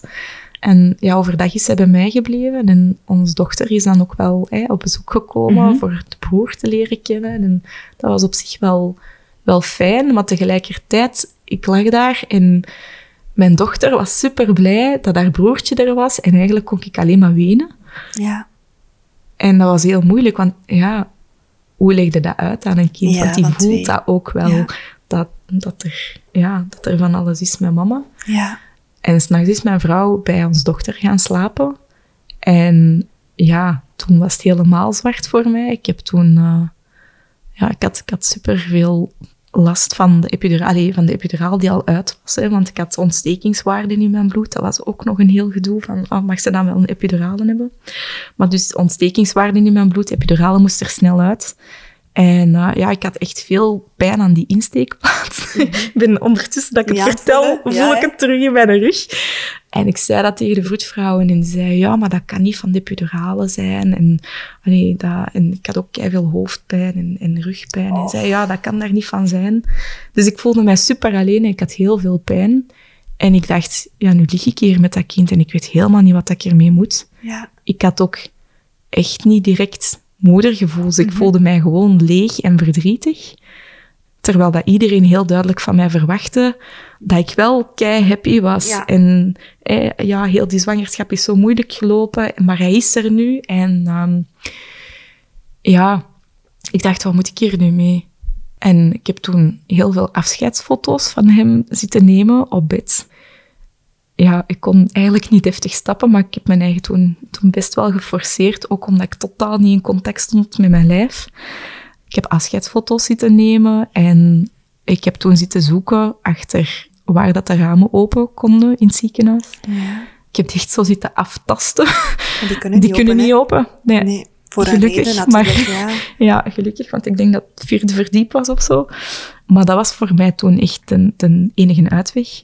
Maar niemand heeft dat opgemerkt in het Ja, ziekenhuis van de voetvrouwen. Ik was ook iemand, ik belde niet snel. En dan, ja, als ik wel belde, dan, ja, als het was omdat ik zei van, ja, ik heb pijn, dan, hé, in mijn rug, aan die insteekplaats, ja, dan was het zo van, ja, dat kan er niet van. ja, ja, niet geloofd? Ja. ja. En toen dat ik belde voor de borstvoeding, ik, weet, ik heb twee keer gebeld en de tweede keer zei ze, ja, maar mevrouw, het is uw tweede kind en je gaat het ook wel zelf moeten leren, dus hè, probeer het zelf eerst alleen. En daarna durf ik ook gewoon niet meer bellen, want ik dacht, ja, ik ben die mensen hier tot last en ze snappen mij hier toch niet. Ja. En dat was een heel moeilijke nacht. Oh, dat moet zo eenzaam geweest zijn. Dat was enorm eenzaam. Ja. Ik krijg het nog moeilijk Ja. als ik er terug aan denk. Dat was echt, ja, heel eenzaam. Ehm, ook omdat niemand had dat door. Gelukkig, gelukkig heb de zakdoekjes in de, in de buurtjes. Wisten de vroedvrouwen op de materniteit van de moeilijke zwangerschap die je gehad had, emotioneel gezien dan? Goh, ik denk dat dat wel gaat doorgegeven zijn, omdat allee, dat moet ergens in mijn dossier gestaan hebben. Maar daar was geen extra Maar tact was- voor die nacht of zo, of, Nee. extra aandacht voor. Nee, absoluut niet. Ik stond wel in contact met, de vroed, allee, met mijn eigen vroedvrouwen en die hebben mij erdoor gesleurd. Dus die Ehm, nacht heb je contact kunnen hebben met de... Ik weet niet of dat, ik denk niet dat ik s'nachts contact heb gehad met de vroedvrouw, want dat vond ik dan ook weer een moeilijke van, ja, die zijn al zo lang bij mij geweest en kan ik die wel, allee, kan ik die daar dan wel voor, Ja. voor contacteren. Maar die dagen, allee, die twee dagen dat ik in het ziekenhuis ben geweest, ik ben 48 uur of zo daar geweest. Ja, ik heb wel via, via sms en, en WhatsApp allee, heel veel aan hun gehad. En ja, een van de voetvrouwen, Anne, op een gegeven moment is hij naar het ziekenhuis gekomen om te kijken hoe dat met mij was, hoe dat met Rune was.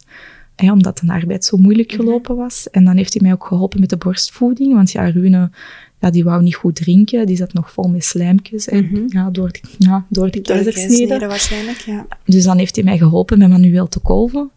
En ja, dat was ook, allee, dat, dat was echt heel betekenisvol. Ehm, ik vind dat, allee, het is nog altijd een heel warme herinnering als ik daaraan terugdenk. Maar toch, allee, die dagen in het ziekenhuis, dat was echt heel eenzaam. En ik wou echt zo snel mogelijk naar huis. Ik lag ook, ik lag in een eenpersoonskamer, wat op zich meestal net fijn is. Maar ik zag niemand. En dat maakte het net zo moeilijk, want dat maakte dat ik heel de tijd alleen met mijn gedachten zat. Ja. En dat niemand die kon stoppen of niemand die kon corrigeren. En had je op dat moment zelf door dat die gedachte dat dat niet oké was? Nee, ik had dat op dat moment niet door. Allee, ik wist wel...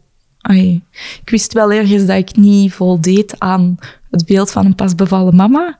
Maar ik had niet door... Ik was suicidaal, maar ik had niet door dat ik suicidaal Ja. was. Ehm, nee, dat had ik eigenlijk niet door. Ja.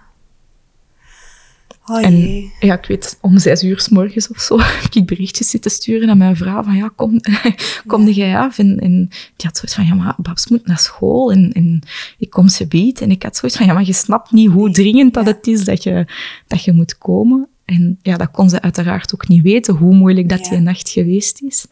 Ehm, ja, dat was heel alleen. Ja. ja. En ja, ik had op zich wel een, een paar goede vriendinnen waar dat ik wel wat kon vertellen tijdens de zwangerschap. Maar wat dat mij heel veel pijn heeft gedaan ook, is dat... En ze bedoelde dat echt niet slecht, daar ben ik van overtuigd. Maar de dag dat ik bevallen was, had ik dat gestuurd naar een vriendin, want het is een keizersnede geworden. En die zei mij toen, oh, het is wel jammer dat je niet gewoon zou kunnen bevallen.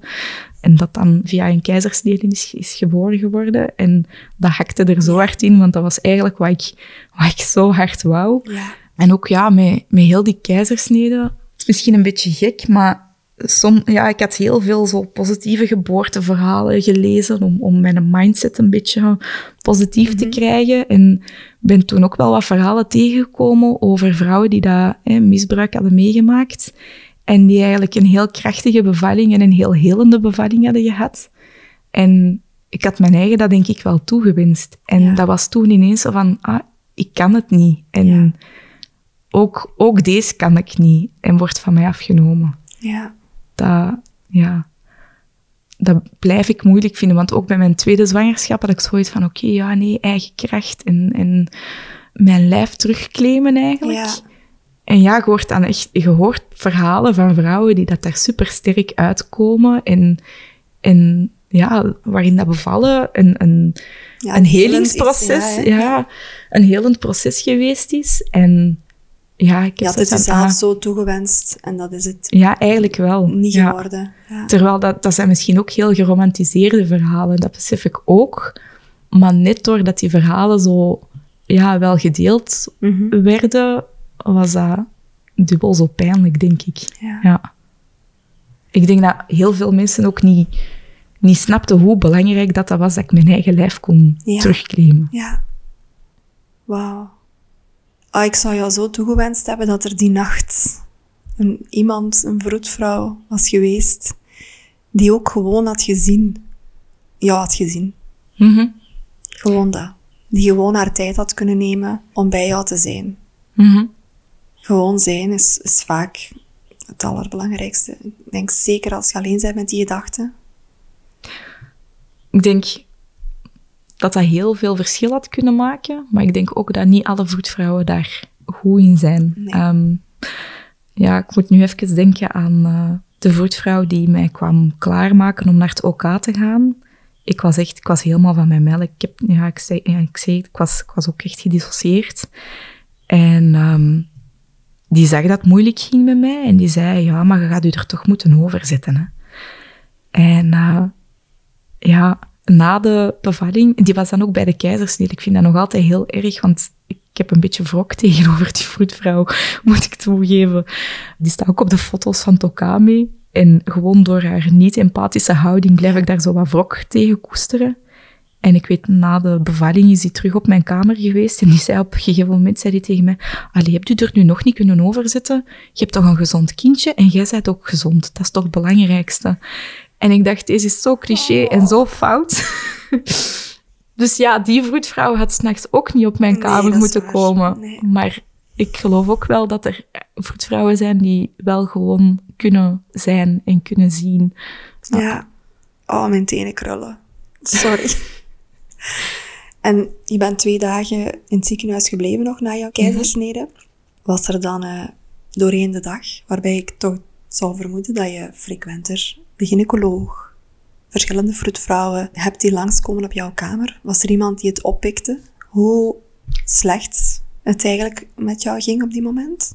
Ehm, ik denk dat mijn vrouw op een gegeven moment, als de gynaecoloog erbij was, dat hij dat wel heeft aangebracht, van het gaat eigenlijk echt niet goed.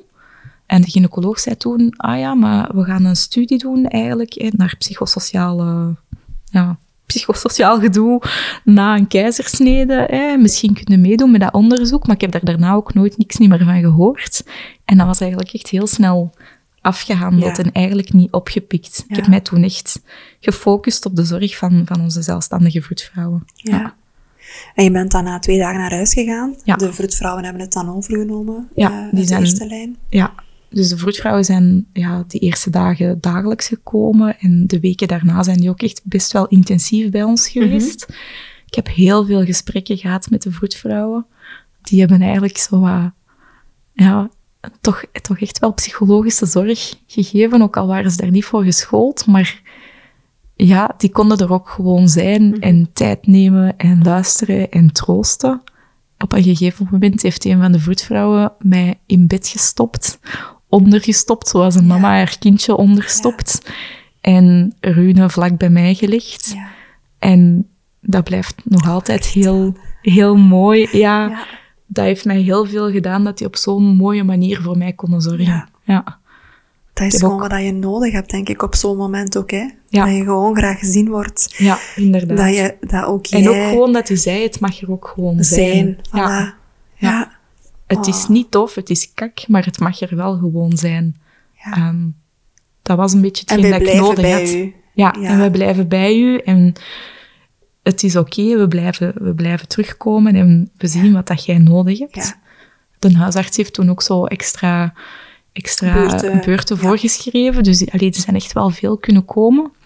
En die hebben dat ook echt elke keer wel helemaal ter harte genomen en, en ja, echt goed gedaan.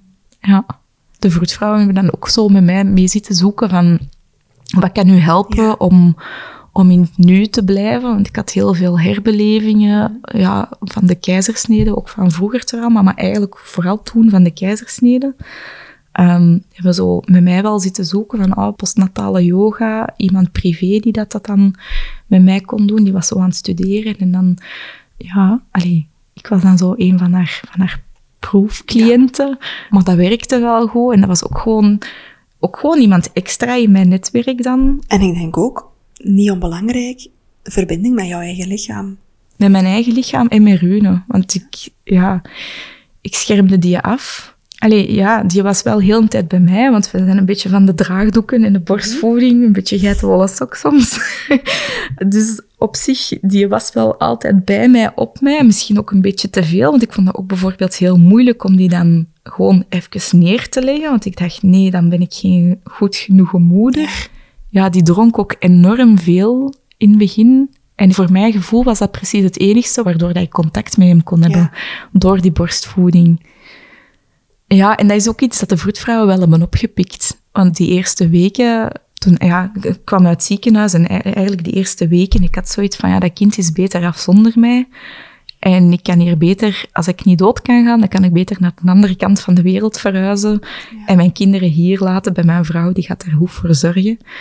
Ik vind dat heel hard van mezelf, achteraf gezien, maar was toen zo, gewoon zo het ja. voor jou. Heb je dat ook uitgesproken toen? eh, Ik heb dat de- niet uitgesproken op dat moment, maar de vroedvrouwen hebben dat wel opgepikt. Want Ja. oorspronkelijk was het plan dat mijn vrouw ook borstvoeding zou geven aan Rune. Maar de borstvoeding, dat was het enigste waarvoor dat ik dacht dat ik nodig was. Ja. En Michou heeft op een bepaald moment ook gezegd van, kijk, wacht nog even met, met z'n twee te voeden. Hè, wacht tot dat wat rustiger is. Mhm. En ik had toen zoiets van, hey, die heeft mij door dat ik hier anders weg zou zijn. Ja. Dat was heel gek, dat, het idee van, tja, die, die weet dat precies. Ik heb het niet uitgesproken, maar ze weet het wel. Fuck betrapt. Fuck betrapt, maar tegelijkertijd ook heel Maar dankbaar dat, Ja. ja. dat er wel keihard op werd ingezet. Dat zijn die Want dat was hetgeen dat nodig was. Ja. Ja, Mijn voetvrouwen, hun voelsprieten, waren perfect afgesteld. Ja, super. Wat was eigenlijk jullie postpartumplan? dat hadden we eigenlijk niet. Allee, bij Rune hadden we geen postpartumplan. Bij Roxanne wel. We hadden geleerd uit de vorige zwangerschap. Maar bij, eh, Bij Rune hadden we niet echt een postpartumplan. Ik denk dat mijn vrouw toen een maand is thuis geweest. En dan is hij terug gaan werken. Maar ik zat dan, ja, het herstel van een keizersnede, een postpartumdepressie, heel slecht slapen, heel veel angsten. En een peuter? En een peuter inderdaad, die dan nog niet naar school ging, want ze was net twee geworden. En we hebben dan ook wel ja, beroep kunnen doen op, op vriendinnen eigenlijk uit de moedergroep, die dat dan ja, af en toe oppasten op Babs. Ja. Wat echt wel nodig was, want ja, ik was wel thuis bij haar, maar die was gewoon dat wij altijd uitstapjes gingen Ja. doen en, en ja, wel wat mensen zagen. En ineens kon ik niks, ook fysiek. Mhm. Ehm, ik heb mij wel, wel eigenlijk wat geforceerd die eerste periode. Ik weet, ik heb zo een foto van, ik denk dat Rune toen acht weken was of zo, en ik was aan het dubbel dragen. Maar eigenlijk kon ik Acht dat... weken na een keizersnede. Ja. Maar eigenlijk kon ik dat echt niet, maar ik vond van mezelf dat ik dat moest kunnen. ja. Ja, echt een postpartumplan hadden we niet echt. Dat was gewoon het nemen hoe dat het komt. En vooral jij heel veel hooi op jouw vork nemen dan, als ik het zo hoor. Ja, mijn vrouw heeft wel heel veel proberen overnemen, maar ja, die moest ook gaan werken. En we hadden wel kraamzorg. Ja. En ja, allee, de eerste weken hebben die wel veel gedaan. Ja, ons huishouden, dat lukte ook echt compleet niet. Dus die hebben dan ja, wel wat meer gefocust op het huishouden, wat eigenlijk niet hun insteek was. Maar ja, ik wou mijn baby ook niet afgeven. En ja, dat liep allemaal zo moeilijk. Dus die hebben zo wat, ja, al hetgeen dat er rond moest gebeuren, hebben die wel wat proberen opvangen. Maar na een paar weken stopte dat ook. Ja. Dus eigenlijk, ja, tegen dat mijn vrouw terug moest gaan werken, ja, dan was die kraamzorg ook weggevallen. En dan waren het eigenlijk gewoon de vroedvrouwen die dat, ja, die dat Gelukkig mij nog wel ter kwamen. verder, ja, Ja. die dat gelukkig kwamen, die, allee, die nog lang zijn geweest ook. Ja, en, en die dat mij daar hebben proberen doorloodsen. Nu, na een paar maanden was het echt wel duidelijk allee, dat ik meer hulp nodig had Ja. omdat ik bleef flashbacks krijgen van de bevalling en ik sliep eigenlijk echt niet. En dan hebben ze mij doorverwezen naar een psycholoog. Eh, en dan ben ik bij een psycholoog terechtgekomen die dat EMDR deed. Mhm. Dat is een, een, een vorm van traumatherapie, wat vooral goed werkt bij enkelvoudig trauma. En ik heb daar wel ja, mee kunnen, allee, rond kunnen werken rond mijn bevalling. Dat heeft zo de scherpe kantjes er wel afgehaald. Dat vind ik nog altijd wel knap dat dat op die manier kon. Maar op een gegeven moment heeft die psycholoog ook gezegd van kijk, er zit zoveel rond de bevalling dat eigenlijk, allee, ja, vanuit ander trauma, vanuit Complex vroeger, trauma, ja, ja. vanuit complex trauma. ehm, we kunnen hier nog 50 sessies rond doen, maar we gaan alleen maar dingen naar boven brengen. En misschien is dat nu niet de moment met een pasgeboren baby. Mhm. En ja, die zei ook van, ik ben niet gespecialiseerd in complex trauma, dus allee, ik wil dat eigenlijk liever, liever gesloten ja. houden, liever afblijven. Wat een heel goede beslissing toen wel geweest is, denk ik. Op zich was dat genoeg voor mij om toen die bevalling, ja, om die scherpe kantjes eraf te halen en om wel verder te kunnen. Mhm. Ik ben dan bij de huisarts ook geweest en dan wel terug antidepressiva opgestart. Ehm, ik, ik, heb er, allee, ik heb er toen wel een paar gesprekken over gehad. Van, is dat wel oké met de borstvoeding? Maar ik merkte toen ook wel dat het gewoon echt niet anders kon. En het kan in combinatie met borstvoeding. Hè? Niet Ja. alle medicatie is Is compatibel. compatibel. Maar als, als borstvoeding geven iets is waar dat, wat dat je heel belangrijk vindt, bespreek dat met jouw arts, hè, alsjeblieft. Ja, het kan inderdaad. Want er absoluut, zijn, hè. er zijn best wel verschillende medicatie die, die wel kunnen. Ja, Ik absoluut. heb eh, als verpleegkundige dan ook mijn, eh, een paar jaar later mijn, eh, mijn bachelorproef gedaan over borstvoeding en postpartum depressie. En medicatie daar ook, eh, Ja. ook bij betrokken. En er is echt wel medicatie die kan, maar zorgverleners zijn daar vaak ook gewoon niet in thuis.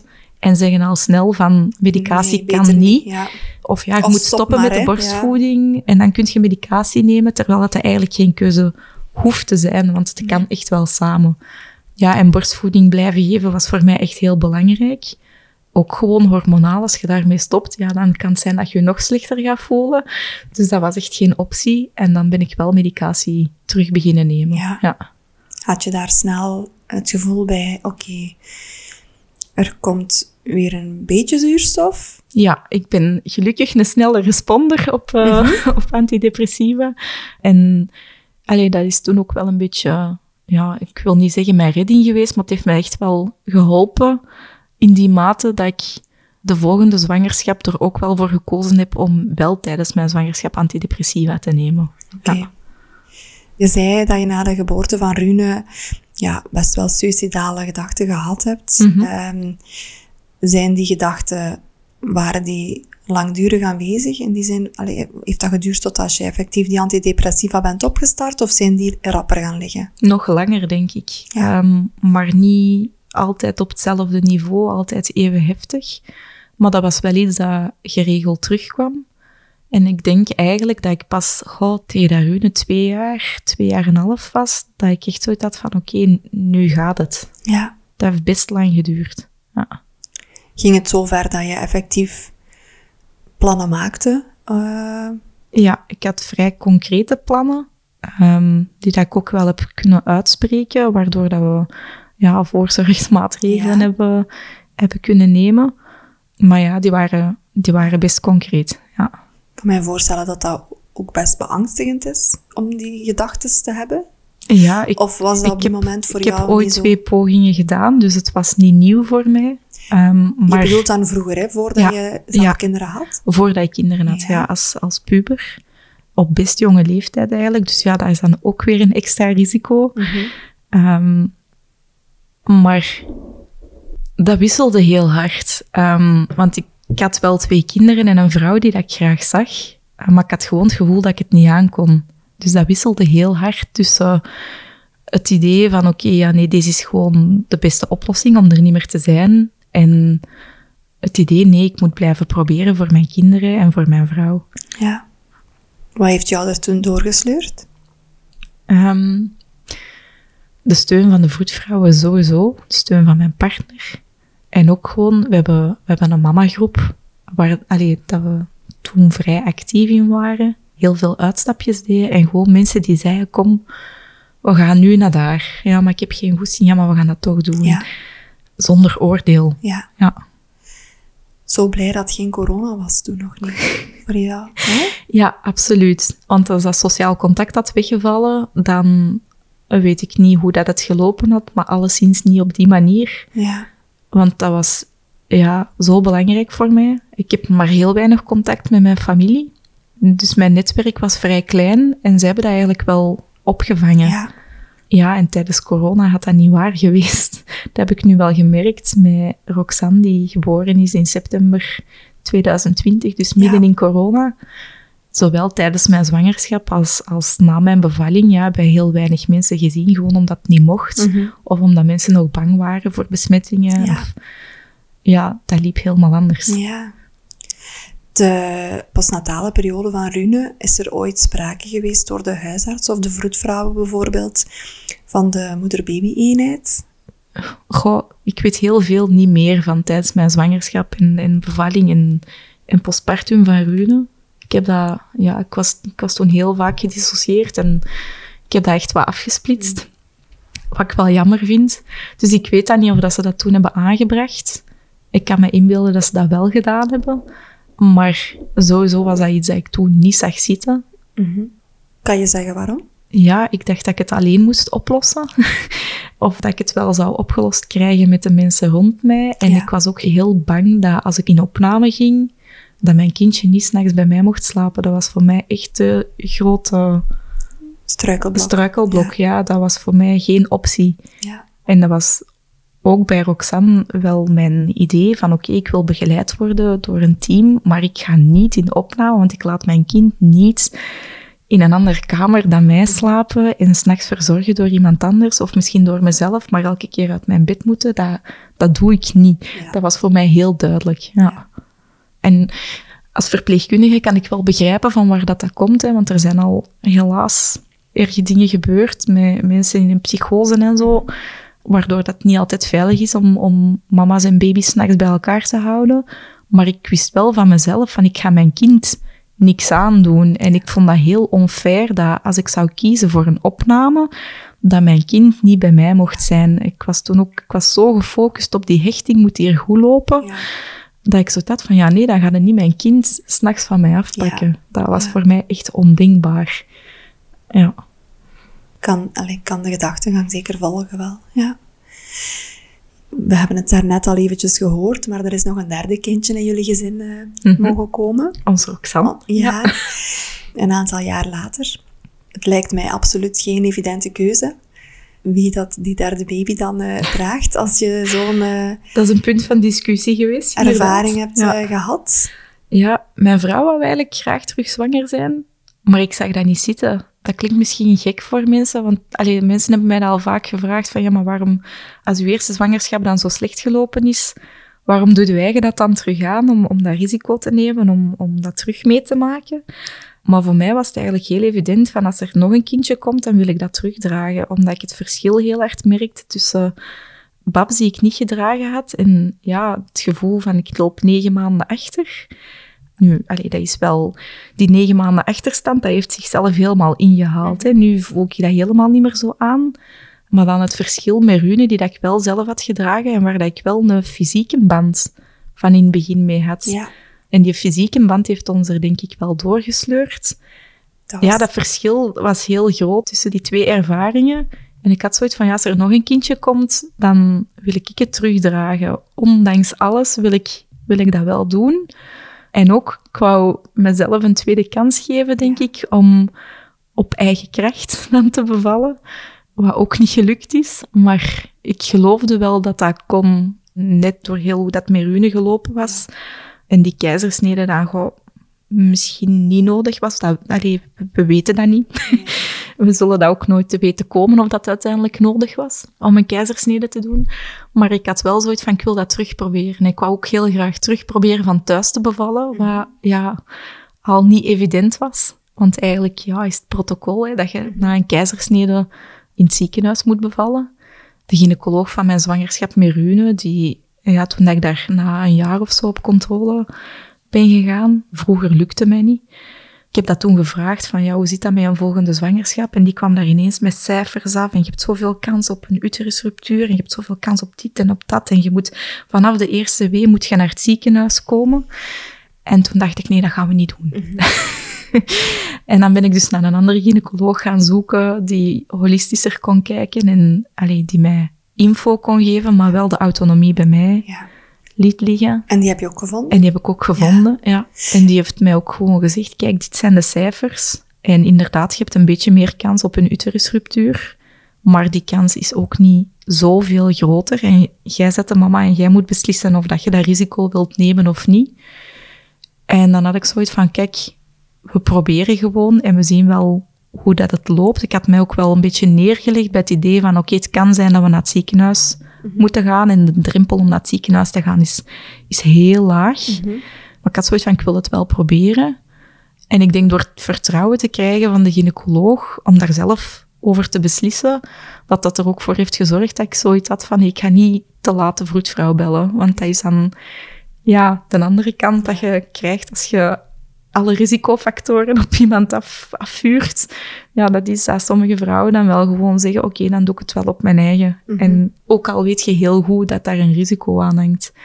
Maar dat heeft er wel voor gezorgd dat ik wel vertrouwen kon hebben in de mensen ja, die mijn zwangerschap opvolgden. Ja. En, en ja. Jullie begeleiden. Ja. Had je een plan van aanpak opgesteld met jouw netwerk, partner, vroedvrouw, vooraleer jullie terug aanklopten bij fertiliteit? Vooraleer dat we aanklopten bij fertiliteit hadden we niet echt een plan. Of toch niet zozeer voor de zwangerschap. Dat is ook heel snel gegaan. We hebben uh, de ene maand beslist, oké, okay, we gaan voor een derde kindje. En dan ja, hebben we het ziekenhuis gecontacteerd. We konden heel snel op afspraak gaan. Ik zat al ver in mijn cyclus, dus allee, we konden eigenlijk echt heel snel En je had heel nog snel eh, beginnen. strootjes. Ja, we hadden nog strootjes. Dus ja, we konden heel snel beginnen. Ik was de eerste maand was ik zwanger. Thank God.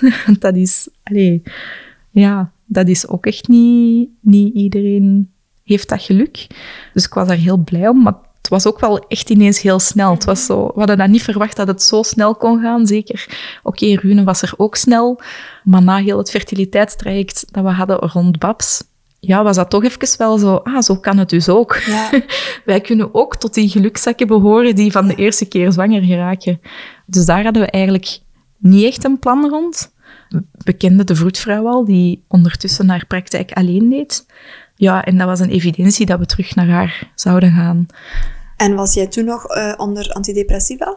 Ja, um, ik denk dat ik toen nog antidepressiva gewoon aan het doornemen was.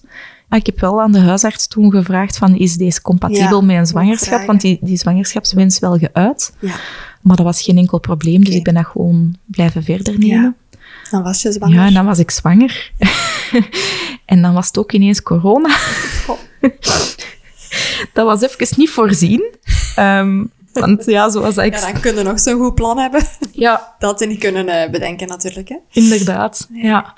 Maar ja, allee, de vroedvrouw was sowieso ons plan. Ja. Maar ook het plan van, oké, we zoeken een gynaecoloog die mee kan denken met ons in onze situatie en niet gewoon de standaard cijfers op ons afvuurt. En dan zijn we bij een heel goede gynaecoloog terechtgekomen. Ik heb die eigenlijk via een Facebookgroepje, postpartum depressie. Iemand heeft mij haar getipt en dan heb ik daar een afspraak gemaakt. Dat was niet in onze stad, maar ik had er veel voor over om een goede gynaecoloog te vinden. Ja, en dan ben ik bij haar terechtgekomen en die heeft daar een tijd genomen om te luisteren naar mijn verhaal over de zwangerschap met Rune, hoe dat, dat gelopen is. En naar mijn bezorgdheden rond deze zwangerschap en, en ja, al wat erbij kwam. En eh, dat voelde eigenlijk echt goed. Allee, uiteraard heeft zij ook met mij cijfers overlopen, maar ze heeft wel de autonomie bij mij gelegd. En dat was wat ik nodig had, Ja. die autonomie terugkrijgen. En zij heeft dan ook aangebracht van, ja, kijk, ik zie veel mama's die tijdens corona het wel moeilijk hebben, maar bij u gaan er toch wel wat, wel wat alarmbellen af. Hè. Het is sowieso voor iedereen moeilijk, maar je hebt al depressies gehad. Het is vorige keer zo moeilijk gelopen. Ik zou toch graag hebben dat je contact opneemt met iemand van, van, van het outreach-team. Dat was aan het outreach-team van Zoersel, omdat dat dichter bij ons thuis is. En ik durf die eerst niet bellen. En dan heeft mijn huisarts gevraagd van, ja, zal ik kunnen bellen? Ja. En dan hebben wij, denk ik, samen contact opgenomen. En dan tijdens de zwangerschap ben ik dan naar daar gegaan voor een intakegesprek, om eens te horen van, wat kunnen jullie voor mij betekenen? Wat kunnen jullie voor ons gezin betekenen? Ik denk dat dat met de psycholoog toen was, dat intakegesprek. En ja, ik kende het outreach-team eigenlijk niet. Ik wist dat er een opnameafdeling was, maar dat was helemaal niet mijn vraag. Ik heb dat ook van in het begin heel duidelijk gesteld, van ik wil niet opgenomen worden, want ik ben het niet eens met jullie beleid over apart slapen. Dat was echt, dat was een, denk ik de enige, en- maar wel een hele grote, grote drempel, een grote struikelblok voor mij. Maar die waren ook helemaal niet pusherig of zo. Die zeiden gewoon, kijk, dit is wat wij doen. Wij komen tijdens de zwangerschap, kunnen wij al hè, langskomen om, om een paar gesprekken te doen. Maar we willen focussen hè, rond de bevalling en postpartum, om dan elke week ja, thuis op bezoek te komen, op huisbezoek te komen. En te kijken hoe dat met jullie gaat en wat dat jullie op dat moment nodig hebben. En ja, om te proberen om, om een depressie op tijd, of, of angsten op tijd ja, te onderscheppen, ja. te herkennen, te onderscheppen en, en daar ja, snel op de bal te kunnen spelen. En dat contact was eigenlijk wel goed. Allee, ik zag dat ook wel zitten. En dan zijn een vroedvrouw en een psycholoog of psychiatrisch verpleegkundige, dat ben ik even kwijt. Dan zijn die bij ons thuis op bezoek geweest en, en zo wel een beetje ja, al wat nagedacht over, oké, hè, bevalplan en postpartumplan. Ja, hoe, hoe zien jullie dat? Gewoon ja, om ons eraan te zetten, om, om er echt actief mee aan de slag te gaan. Nu, een bevalplan, dat had ik heel duidelijk in mijn hoofd. Ik heb uiteindelijk vijf versies gemaakt, want ik dacht, deze keer ga ik op alles voorbereid zijn. Elk scenario moet ik, moet ik iets in mijn hoofd hebben. Ik vind dat trouwens keigoed. Alle scenario's. Ja, Ja. want bij een geboorteplan, ja, is even los van dit nu natuurlijk, maar bij een geboorteplan denken heel veel mensen vaak van oké, we schrijven ons ideale droombevalling op en daar houdt het op. Ja, dat heb ik deze Ehm, keer bewust niet gedaan. Ja, ik denk dat net de bedoeling van een eh, geboorteplan is dat je gaat nadenken, wat vinden wij belangrijk als een situatie uitdraait op A, B, C, D, E en, en zelfs in situatie E, wat heb ik dan nog nodig om toch op het einde van de rit te, kunnen terugkijken van oké, ik, ben, ik ben wel in mijn, in mijn kracht geweest, Ja. ik heb de regie kunnen behouden, eh, ik ben ja, betrokken bij alle beslissingen. Je Ja. hebt, eh, ja, de autonomie, zoals dat jij het daarnet ook Mhm. beschrijft. Dus ik vind dat goed dat je, dat je plannen noemt, maakt niet uit, maar dat je voor alle scenario's actief hebt nagedacht. Ja, dat was iets wat we eigenlijk bij, bij mijn eerste zwangerschap niet hadden. We hadden wel zo de belangrijkste dingen. Ja, die wist onze vroedvrouw ook. En, en die wist mijn vrouw ook. Dus daar was wel duidelijkheid rond, maar uiteindelijk als je keuzes moet gaan maken, dan, dan komt het er net op aan om, om wel al die opties, uh, allee, om al die scenario's voorbereid te hebben. En ja, ik weet sommige vriendinnen die zeiden, maar ja, maar Christine, ja, je hebt niet alles in de hand en soms moet het gewoon zo laten zijn hoe dat is. En ik dacht, nee, niet meer met mij. Mhm, mhm. Deze keer ga, gaat, het, gaat het op mijn manier zijn. Want ik wou niet terug naar waar dat ik vandaan kwam. Ja. ja. Dus ik had heel veel uitgeschreven. Ook overlopen met de vroedvrouw, van kunt je daarin vinden? En uiteindelijk ben ik daar heel blij om dat ik al die scenario's heb uitgeschreven, want ik heb ze bijna allemaal nodig gehad. Ja. Want het is uiteindelijk een spoedkeizersnede geworden, omdat de harttonen niet meer goed waren. Dus ik heb het ook echt nodig gehad, dat bevalplan. Ja. Maar ik heb ze wel zelf mee uit mijn buik mogen tillen. Ja. Dus, oh. ja. en dat had niet gelukt als ik dat op voorhand niet had doorgesproken. En ja, als ik niet duidelijk had gemaakt wat voor mij echt de mhm. essentie en het allerbelangrijkste was, dan had dat niet gelukt. Dus, ja. Oh.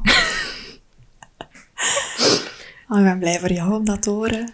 Ja, dat was een heel andere ervaring. En het was, de bevalling van Roxanne was nog altijd niet de ervaring die dat ik heel hard gehoopt had. Maar het is wel het beste scenario geweest dat er mogelijk was op dat moment. En ik heb mijn arbeid thuis gedaan voor een deel. Ik heb op een gegeven moment zelf gezegd, ik wil naar het ziekenhuis, want ik heb echt te veel pijn. Dus het was op jou... Dus het was op mijn vraag, inderdaad, om naar het ziekenhuis te gaan. En dat was ook heel dubbel, hè, want je weet vanaf dat je naar het ziekenhuis vertrekt, dat je een aantal dingen niet meer in de hand hebt. En dat je sommige dingen gaat moeten loslaten. En ik wist ook, ja, oké, die thuisbevalling, dat gaat dus nooit meer zijn. Maar ja, daar was ik ook wel wat op voorbereid, van dat dat een mogelijk scenario mhm. was van naar het ziekenhuis te gaan. Die drempel was echt heel laag en dat mhm. was goed doorgesproken. Maar het was op mijn vraag om naar het ziekenhuis te gaan en om een epidurale te vragen. Ja. En hoe dat dan verder liep in het ziekenhuis, ja, dat gingen we dan wel zien. Maar mijn voetvrouw en mijn vrouw, die wisten heel goed wat dat ik nodig had. En again, alle lof voor Michou, maar die ja, ik noem die tegenwoordig mijn pitbull. um, ze heeft mij echt wel moeten verdedigen, ook terug in het ziekenhuis. Want ik had bijvoorbeeld gezegd, ik wil geen liggingsecho tijdens, uh, tijdens, tijdens mijn arbeid. Ik wil het niet meer, want ik dacht, ja, dan gaan ze weer afkomen met hoog gewicht. En ja, ik dacht, nee, dat scenario, dat hebben we al gehad. Daar gaan we niet meer terug voor. Mhm. En ik kom binnen in het ziekenhuis en het eerste wat dat die mee afkomen, dat is, een echo-toestel. Ja. En um, ik weet, ik lag toen in bad. En uh, ik, ik hoorde mijn voetvrouw naar de deur gaan, naar de assistent gaan en zeggen: Nee, mevrouw wilt geen echo. Ja, maar we gaan dat toch doen. Nee, mevrouw wilt geen echo. En allee, zo zijn er nog een aantal dingen geweest. Tijdens mijn laatste bevalling is er veel meer rekening met mij gehouden. Maar ook terug doordat er wel iemand extra bij ons bij was. Want ze had ook naar huis kunnen gaan en ze heeft dat niet gedaan. Maar bijvoorbeeld, ja, het moment dat ze zeggen, ja, het wordt toch een keizersnede, hè, seksueel code rood. Ik had het toen zelfs niet door dat code rood was. Ik dacht, huh, code rood, wat betekent dat?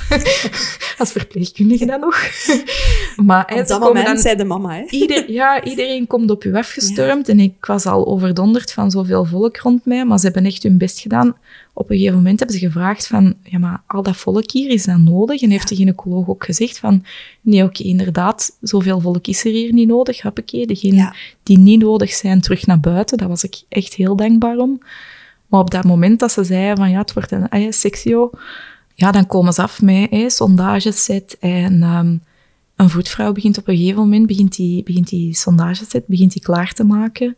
En um, ja, mijn voetvrouw zei tegen haar van, ja, maar zouden niet vragen aan mevrouw of dat goed is dat je die gaat sonderen in plaats van dat zomaar te doen?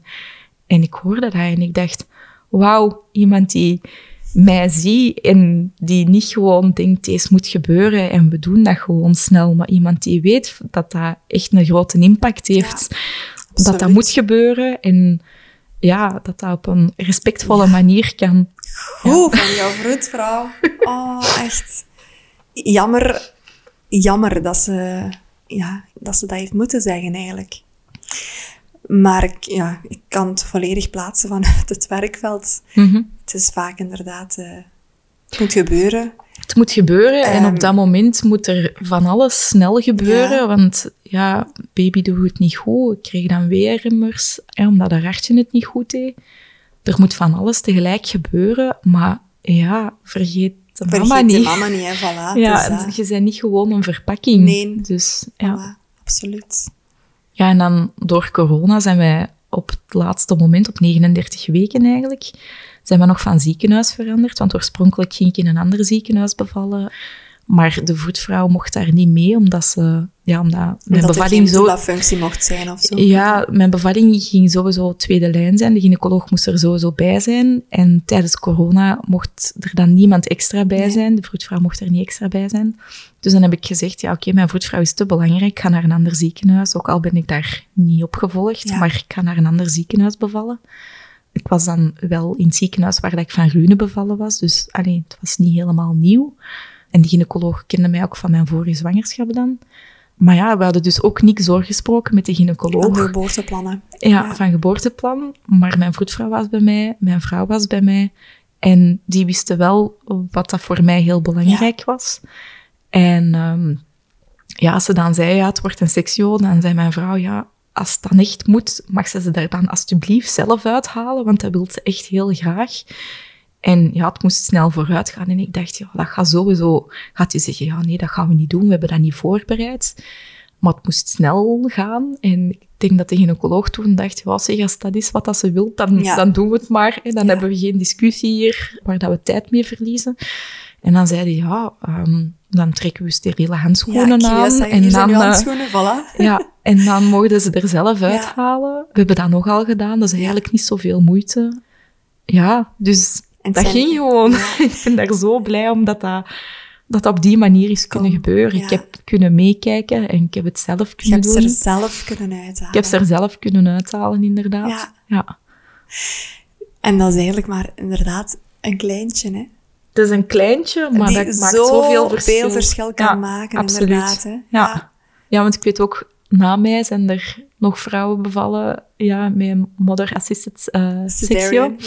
Je hebt de trend in gang gezet. Ja, want die hoorden van mij, ah ja, dat kan. En dan zijn die met de gynaecoloog gaan praten. En blijkbaar hebben ze ondertussen hun eigen laten bijscholen door een team uit het buitenland dat daar in thuis is. En Ja. zijn ze daar ondertussen wel, allee, wel in mee, Ja.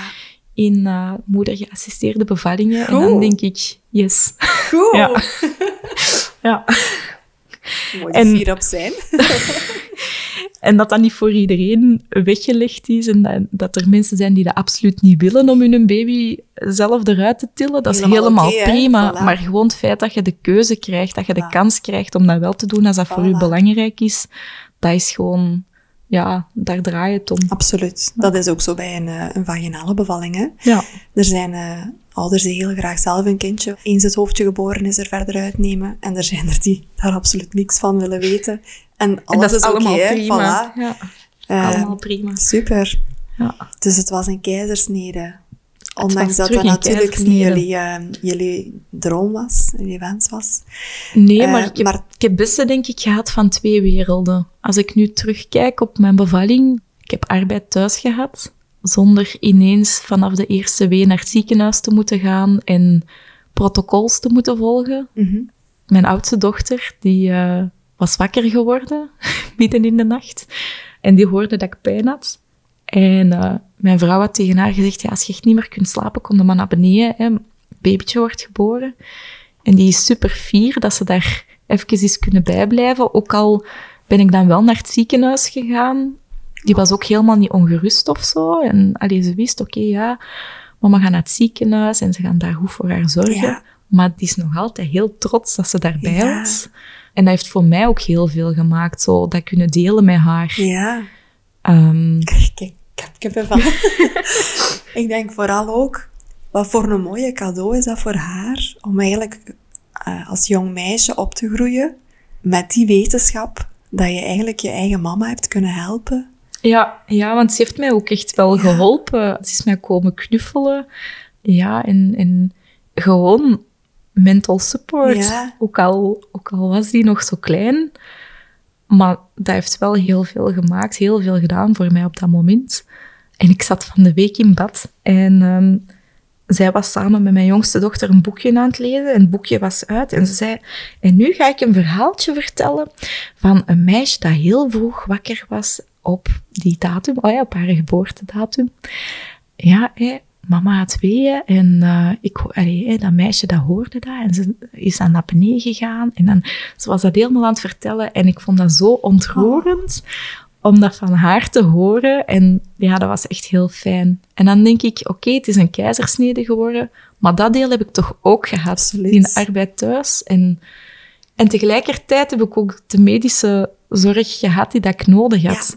Want ja, dat was ook wel belangrijk. Dus dan denk ik, ja, ik heb, ik heb niet mijn droomscenario gehad, maar ik heb wel het beste van twee Ja. werelden gehad toen. Hetgeen dat ik, een deel van hetgeen dat ik wou en hetgeen dat nodig was. Ja. Ik vind dat heel ehm, krachtig om te horen. Mhm. Dat je daar zo op kan eh, terugkijken. Dat is fijn. Ik denk dat dat komt door de autonomie die dat ik Ja, heb gekregen en heb kunnen behouden. ja. Toch voor een deel. Ja, En daar gaat het om, hè. ja. Dat is, dat is het allerbelangrijkste, hè. Absoluut. Ik denk, als ik zelf aan de kant was geschoven als, als mama, ook al was het hetzelfde scenario, maar er was minder naar mij geluisterd of er was minder rekening met mij gehouden, bijvoorbeeld door die een echo tegen te houden of door dat sonderen even te zeggen van, ho, stop, eerst toestemming vragen, dan had ik daar niet zo positief op kunnen terugkijken. Maar dat is wel gebeurd. Ja, Ja. super. We denken vaak bij vrouwen die een traumatische bevalling hebben gehad, dat dat altijd dan bevallingen zijn eh, met alle toeters en bellen en een spoedkeizersnede en alles Mhm. wat dat we daarbij dan bedenken. Maar ik ben ervan overtuigd dat je inderdaad niet getraumatiseerd hoeft te zijn na zo'n bevalling. Eh, Mhm. Ook al loopt die helemaal niet zoals je die gewenst had. Zolang want- dat je in je autonomie hebt gestaan, ja. ik ben overtuigd als jij een, wat dat er voor ons als vroedvrouw of gynaecoloog een, ehm, een zeer vlotte bevalling uit kan zien, Dat die ook traumatiserend dat die ook kan traumatiserend zijn. Ja. kan zijn. Absoluut. Ja, want Rune zijn bevalling was geen spoedkeizersnede. Het was een keizersnede, maar op zich, het was geen spoed. Maar was wel traumatiserend. En Roxanne haar bevalling, ja, dat was wel een spoedkeizersnede, maar die is zo respectvol gebeurd Ja. dat dat helemaal niet traumatiserend was. Dus ja, Dat is eh, heel fijn dat je dat zo hebt kunnen ervaren. En, en dat vind ik dan de grote kracht van die voorbereiding met die vroedvrouwen. En ja, gewoon dat er geluisterd wordt. daar gaat het om. Ik heb daar een eh, tijdje geleden een, ehm, geen discussie, maar eens een gesprek over gehad met een van de gynaecologen in het ziekenhuis waar ik ook werk. En die haalde aan van ja, maar als iemand een, eh, ja, een spoedkeizersnede gehad heeft, ja, dan gaan wij wel eens langs op de materniteit om dat door te praten. En ik heb toen ook aangehaald van misschien moeten we dat gewoon bij iedereen eens doen. Want het is niet Ja, omdat voor absoluut. ons een bevalling als traumatiserend lijkt, dat dat voor die patiënt ook zo ervaren wordt. Het kan vaak, je kan ervan verschieten. Hè. dat is waar. Ja, en tegelijkertijd denk ik ook, net als het wel een traumatiserende bevalling was, dan weet ik niet of dat direct op materniteit dat doorpraten, of dat dat een goed idee is. Net omdat je dan heel veel in je hoofd gaat zitten en het terug moet afspelen. En ik denk dat je misschien eerst als mama tijd en ruimte nodig hebt om, om fysiek te reguleren. Waarmee dat ik niet wil zeggen dat het niet doorgepraat moet worden, maar ik weet niet of dat de eerste dag of de tweede dag op materniteit, of dat dat dan het moment, moment is. ja. Ik denk dat dat vooral een heel individueel iets is. Ik denk dat er ook wel mensen zijn die daar wel baat bij zouden kunnen hebben. En daarom niet alle details en alle toeters en bellen ja, tot in detail gaan exploreren. Mhm. Maar ik denk dat het soms wel een belangrijke kan zijn, omdat je vaak door de omstandigheden, doordat je alle controle verliest, ook niet alles bewust beseft. En ik denk als je dan je gynaecoloog maar terugziet zes weken na de bevalling, zes, acht weken Ja. na de bevalling, Als het al gaat. als je gaat al, ja. eh, ehm, ja, dat, dat sommige scenario's in jouw eigen hoofd ook een leven kunnen leiden. En gewoon verduidelijking, een aantal dagen na de geboorte van, dat was daarom, of dat was de reden dat dat gebeurde zo, Mhm. dat dat misschien soms ook wel een rust zou kunnen geven al. Maar ik Ja, ben ervan overtuigd dat, het, ja. dat het heel individueel is. Ehm, Mhm. Ik denk wel dat het belangrijk is om het snel te, onder, allee, te onderscheppen en door te kunnen verwijzen. Dus op dat vlak volg ik wel van snel na een bevalling erover te praten, maar ik denk inderdaad niet in detail. Ja. Ja. Waarom ik ook denk dat die periode kort na de geboorte wel een belangrijke kan zijn, is vaak zijn de partners ook vrij frequent in het ziekenhuis aanwezig op de materniteit. Gelukkig maar. Terwijl zij vaak op een postnatale controle zes weken er niet Ja. meer bij zijn. Allee, dat merken wij toch zelf ook. Ik denk dat dat een ideale moment is ook om even te onderscheppen hoe voelt die partner zich, hoe heeft die dat ervaren. Ja, dat is inderdaad. Want die staan ook heel vaak. Ja. heel vaak aan de kant. Mhm. En ja, als je niet eens een moment hebt van terug kunnen blikken, ja, dat is waar. Ehm, Ik denk dat we eigenlijk gewoon kunnen concluderen. Grijp elk moment aan en luister naar die patiënt en die partner. Hè. Mhm, Ik denk dat we dat kunnen concluderen misschien. Hè? Ja. Maar spreek met En zorg voor Ja. vroedvrouwen in de eerste lijn die opvolgen. Ja. Vind ik toch ook echt wel een belangrijke om aan te halen. Zeker en vast. Ook al is een bevalling goed verlopen, maar gewoon Ja, elk- absoluut. elke vrouw een vroedvrouw. Ja. Maar de vroedvrouw heb ik wel een paar keer gezegd tijdens mijn postpartumperiode van Rune, van ja, we willen er zijn voor u, maar we zijn geen psychologen. Maar er zijn, dat is, dat is al zoveel waard. Absoluut. Ja. En ik ben ervan overtuigd dat een zwangerschap, een perinatale periode aan zich, vaak oude trauma's naar boven kan brengen, omdat het heel triggerend kan zijn. Maar ik ben er ook van overtuigd dat een perinatale periode misschien niet altijd het ideale moment is om therapeutisch daarmee aan de slag te gaan. Ja. Ik ben ervan overtuigd dat dat belangrijk kan zijn in iemand zijn leven om daar wel mee aan de slag te gaan natuurlijk. Mhm. Maar die perinatale periode is al zo overspoelend. Vaak moeten we vooral kijken, denk ik, wat heeft die, wat heeft die mama nu nodig op dit moment Mhm. om te kunnen blijven functioneren, Ja. om te kunnen blijven volhouden. Mhm. Ja, want die zorg voor de baby is er wel en die kun je niet Ja. even op stop zetten. Vandaar dat ik ook wel overtuigd ben van ja, de goede vroedvrouwen die je kunnen begeleiden, maar zeker ook een perinatale coach die, ehm, Mhm. die gewoon dat ondersteunende stukje mee kan opnemen. Ja. Om iemand ermee te helpen doortrekken. Hè? Mhm. Uw postnatale periode van Roxanne. Ehm, ja, Roxanne is geboren midden in corona. Ja, Ehm, dus we hebben heel weinig volk gezien. Ja, het outreach-team kwam wel. En de voetvrouw is ook eh, vaak gekomen. Ook, allee, nu hadden we ook een, eh, een voorschrift voor, voor meer, Ja, meer consultaties. Dus de vroedvrouw is lang gekomen. En het outreach-team is ook gekomen. Eigenlijk, ja, vanaf dat ik bevallen ben, heb ik die op de hoogte gebracht. En dan de eerste week zijn die opgestart. ja. En die kwamen ja, in het begin elke week. En daarna om de twee weken. Ik denk tot dat Roxanne een maand of vijf was. Ik weet het niet meer juist, maar het zal zoiets geweest zijn. En dan hebben we dat geëvalueerd samen met mijn vrouw, de psychiater, de psycholoog en de vroedvrouw die aan huis kwam, Ja. het outreach-team. Van oké, wat is er nog nodig? ja. En ik heb daar heel veel aan gehad, net doordat corona was ook. En dat ik zo weinig mensen zag, heeft dat me wel heel veel deugd gedaan dat die er wel waren. En ja, ik kon die ook mailen en whatsappen. ja. Ik kreeg soms wel, eh, wel de opmerking dat ik dat eigenlijk sneller mocht doen. Ah, ja. Dat ik niet bang moest zijn om, om hun lastig te vallen of zo. Want dat idee had ik soms wel. Van ja, maar als, als het niet echt heel slecht gaat, dan moet ik niet sturen. Maar ja, ik heb daar heel veel aan gehad dat die bereikbaar waren. En dat die gewoon, ja, die waren, als die op huisbezoek kwamen, dan waren die er twee uur. Ja. En dan was er alle tijd en ruimte voor al mijn zorgen en twijfels. Ja. Ehm, ik had nu ook terug ja, best wel wat, wel wat twijfels over, ah, loopt die hechting wel goed? Ehm, ja, de, de interactie met, met de grotere broer en zus, of dat die goed loopt. En, en ja, Roxanne heeft ook wel wat gehuild in het begin. Die, die was eigenlijk niet echt een, een happy baby, maar ik had het gevoel dat ik de enigste was die dat, dat zag, tot op een bepaald moment dat de voetvrouw zei van, goh, die is toch wel vaak huilerig als ik hier ben. En ik dacht toen, oef, Ja, iemand die ja. het ziet. En allee, het zit niet gewoon in mijn hoofd, maar als andere mensen het zien, dan zal het ook wel zo echt zijn. En dan is het niet gewoon mijn gevoel dat minder is, maar dan, dan is het ook gewoon zo.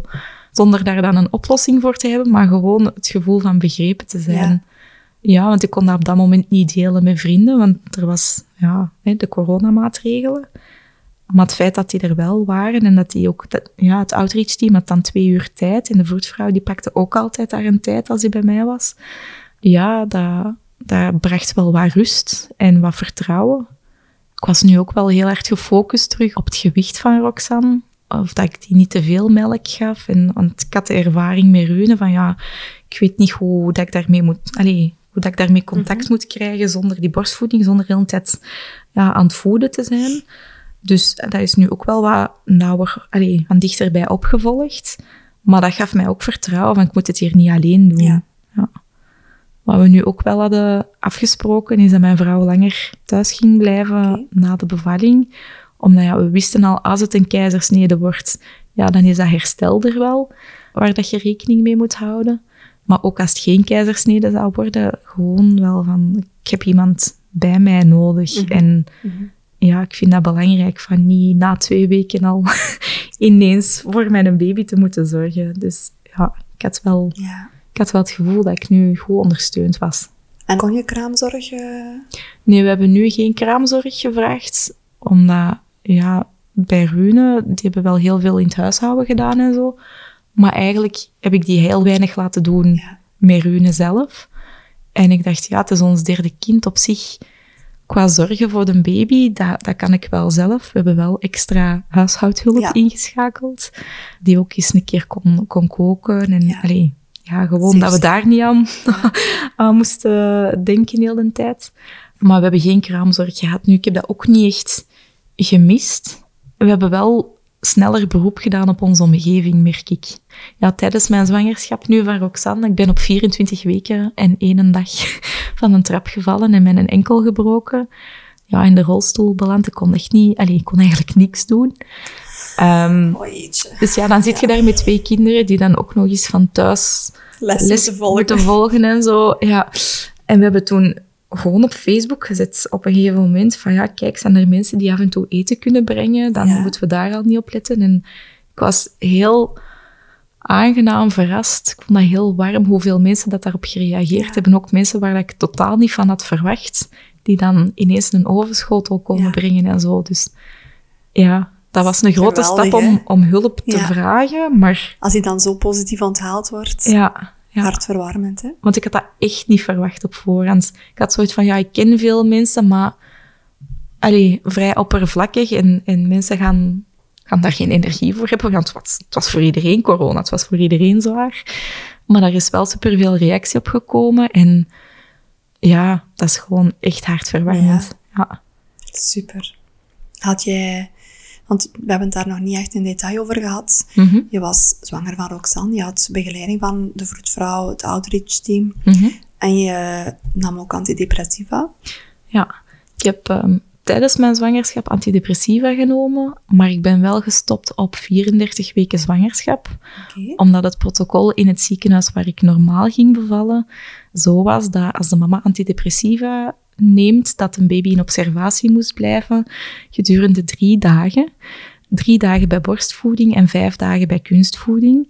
Ja, we hebben allebei zelf een medische achtergrond, dus wij zijn protocols ook uit het buitenland gaan opzoeken en wetenschappelijke literatuur afgekomen. We hebben dat op tafel gelegd bij de gynaecoloog van kijk, in Nederland is het 24 uur observatie door de vroedvrouw of de huisarts aan huis. Dus wij gaan eigenlijk helemaal niet akkoord met het protocol. En die was daar zelf wel verbaasd door, van ah ja, als dat de wetenschappelijke literatuur is, ja, Allee, dan dan? is ons protocol eigenlijk niet evidence-based. En hij zei, ja, ik ga het bespreken op team, maar ja, dat kan wel zijn dat dat, niet meer, allee, dat, dat protocol niet gaat veranderen voordat je bevalt.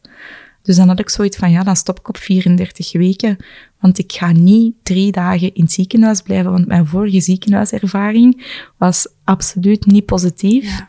En als ik naar huis wil gaan, dan wil ik dat ook kunnen. En dan wil ik niet te horen krijgen van, ja, maar je baby moet hier blijven, dus je kunt niet naar huis. Of ja, Ja. jij mocht naar huis, maar uw kind niet. Dat was voor mij geen optie. Dus dan heb ik in samenspraak met de psychiater beslist van af te bouwen Ja. en op 34 weken te stoppen. Met het idee van, als het na de zwangerschap, allee, hè, na de bevalling, als het dan toch duidelijk terug slechter zou gaan, ja, dan starten we heel laagdrempelig op.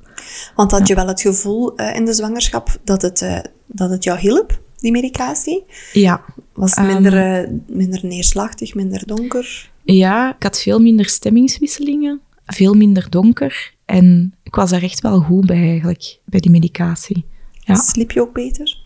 Ehm, ja ik heb altijd wel slaapproblemen.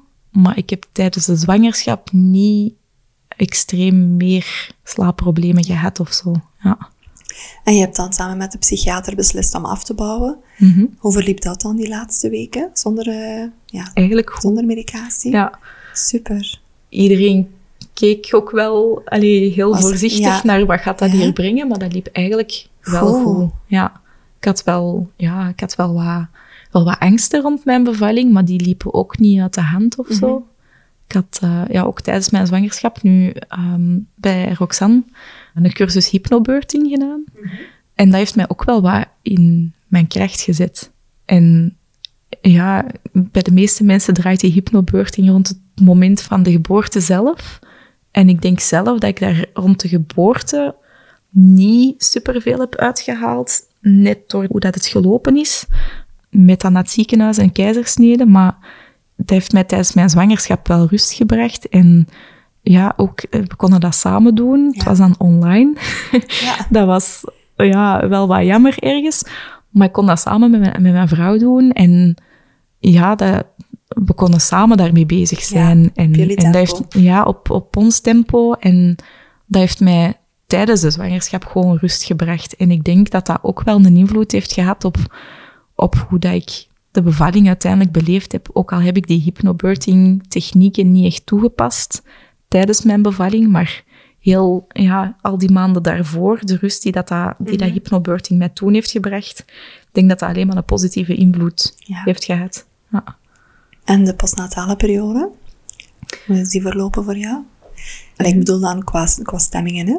Ja, ehm, best oké. Eigenlijk vanaf dat ik voelde van oké, ik word hier echt wel goed ondersteund. Ja, is dat wel oké geweest. Ik heb ook moeilijke momenten gehad. En zo, ja, rond, rond tien dagen of zo na de bevalling, dan heb ik even zitten twijfelen van, oh, is, allee, is deze nu toch terug richting depressie of is deze nog babyblues? Maar ja, dat mag ook niet te lang duren. Ja, dat is wat kantelpunt, hè? Na 10, 14 dagen. Ja, en ik weet dat ik, dat ik ook avonden heb zitten wenen en dat ik dacht, oh nee, niet terug deze. Maar ik ben er wel, ik ben er wel doorgeraakt, door die periode. Ja. En het ging niet super tijdens mijn postnatale periode nu met Roxanne. Maar ik denk dat dat ook aan gewoon andere factoren lag binnen ons gezin en met heel corona. Ik denk dat dat op zich niet, niet het depressieve was dat dan echt naar boven kwam. Ja. En medicatie is er ook niet opgestart dan na de... Ik ben uiteindelijk niet terug opgestart met Nee. medicatie, omdat ik het toen ook niet nodig vond. Ik heb wel zo'n paar twijfelmomenten gehad, maar ja, dat is heel dubbel, want ik weet dat ik wel goed was met die medicatie en toch blijf ik ergens zo een rem voelen om Ja. dat toch niet te willen pakken. dat is misschien een beetje dom, ik weet dat niet, maar dat is mijn gevoel daarbij. Ehm, en zolang dat, je, allee, dat niet echt nodig is, of dat mijn omgeving ook geen signalen geeft van wij vinden deze echt nodig, het kan zo niet anders. Allee, het kan zo niet verder. Dan denk ik, ja oké, dan doen we verder. En ik heb ondertussen wel... Allee, ik, ben- ik ben wel tijdens mijn postnatale periode van Roxanne ben ik ook met therapie gestart. Toen dat het outreach team eigenlijk aan het afbouwen was, Ja. ben ik ook individueel in therapie gegaan. Eerst bij een bewegingstherapeut, waar dat ik nu helaas niet meer naartoe ga. Maar ook bij een psycholoog, die gespecialiseerd is in trauma ook. En daar haal ik wel superveel uit. En dat, allee, dat is ook echt wel goed dat er geen, geen lange periode tussen zat. Maar dat outreach team dat mee heeft, heeft Over- opgestart eigenlijk. Ja. Die hebben ook meegezocht samen met mij naar, oké, wat zal bij u passen? Ja. Goed. Ehm, ja. Dus het is niet dat die zo gewoon gestopt Ja. zijn en, Dag, en, ja, en Nee. trekt uw plan en zoek het zelf maar uit. Nee, die hebben mij echt wel goed eh, geholpen. En ja, ik ga ondertussen, nou, ik denk bijna anderhalf jaar nu naar de psycholoog elke week. En dat loopt goed zonder medicatie. Dus dan denk ik, ja, Super. dan houden we het zo voorlopig. Ja. Knap. Christine, als jij terugkijkt op de afgelopen jaren, laat u eens helemaal gaan en geef jezelf eens een groot compliment. Oei. Amai, dat is wel een heel grote opdracht. Ehm, een compliment voor mezelf. Ik vind dat ik dat goed doe, dat ik blijf zoeken naar wat dat werkt voor mij. En naar de mensen die goed voelen voor mij om, om mij door te laten omringen. En dat ik blijf doorzetten. Uh, ja, dat is mijn compliment voor mezelf, denk ik. Mooi. Ja. is er nog iets wat jij graag zou willen toevoegen? We hebben uh, al heel lang gepraat. Super boeiend. Is er nog iets waarvan je zegt? Aan elke toekomstige mama zoek een goede vroedvrouw. Het is hier wel echt een promotietalk voor de job. nee, maar ik, allee, dat, dat meen ik echt serieus, want dat heeft voor mij zo'n groot verschil gemaakt. En ook gewoon naar zorgverleners. Twee boodschappen. De eerste betrekt de eerste lijn. Mhm. Dat zijn collega's die het supergoed doen en die geen concurrentie hoeven te zijn. Want zo komt het soms over. Maar je kunt echt supergoed aanvullend werken. Absoluut. En mijn tweede, minstens even belangrijke boodschap, vergeet de mama niet. Het is geen verpakking en ja, hou die autonomie bij de mama zoveel als mogelijk en luister naar wat dat er nodig is. Ja. Ik vind dat hele mooie boodschappen. Uh, ik hoop dat ze aankomen. ik doe alleszins mee mijn best om het uh, te verspreiden. Super. Mag ik jou heel erg bedanken, Christine? Dat is heel uh, graag gedaan. Voor uh, ja, zo moedig jouw verhalen te delen. Dat is graag gedaan. Ik hoop dat ze andere mensen kunnen helpen. Ik ben eraan overtuigd. Absoluut. Als het al één iemand kan helpen, is het eigenlijk al voilà. succes. Hè? Ja. Bedankt om te luisteren naar het bijzondere verhaal van Christine. Wil jij je, net zoals Christine en haar partner, goed kunnen voorbereiden op je bevalling? met daarbij voldoende kennis over het geboorteproces en de kraamperiode, dan heb ik goed nieuws. Ik heb een online geboortecursus gemaakt. Een complete videocursus die je thuis op je eigen tempo kan volgen. Neem zeker een kijkje op mijn website voor meer info. Podcasts zoals deze maken kost geld en tijd. Ik verdien hier zelf niets mee, maar wil graag nog veel afleveringen kunnen maken voor jullie. Het helpt enorm om deze podcast te delen, mondeling en online. Ook een review plaatsen kan helpen. Dit doe je eenvoudig door sterren te geven. Je kan deze podcast ook indirect steunen door mijn online geboortecursus te kopen. In de volgende aflevering ga ik in gesprek met Isabel Stuiver. Zij is fertiliteitspsycholoog. Ik wens jullie een warm eindejaar.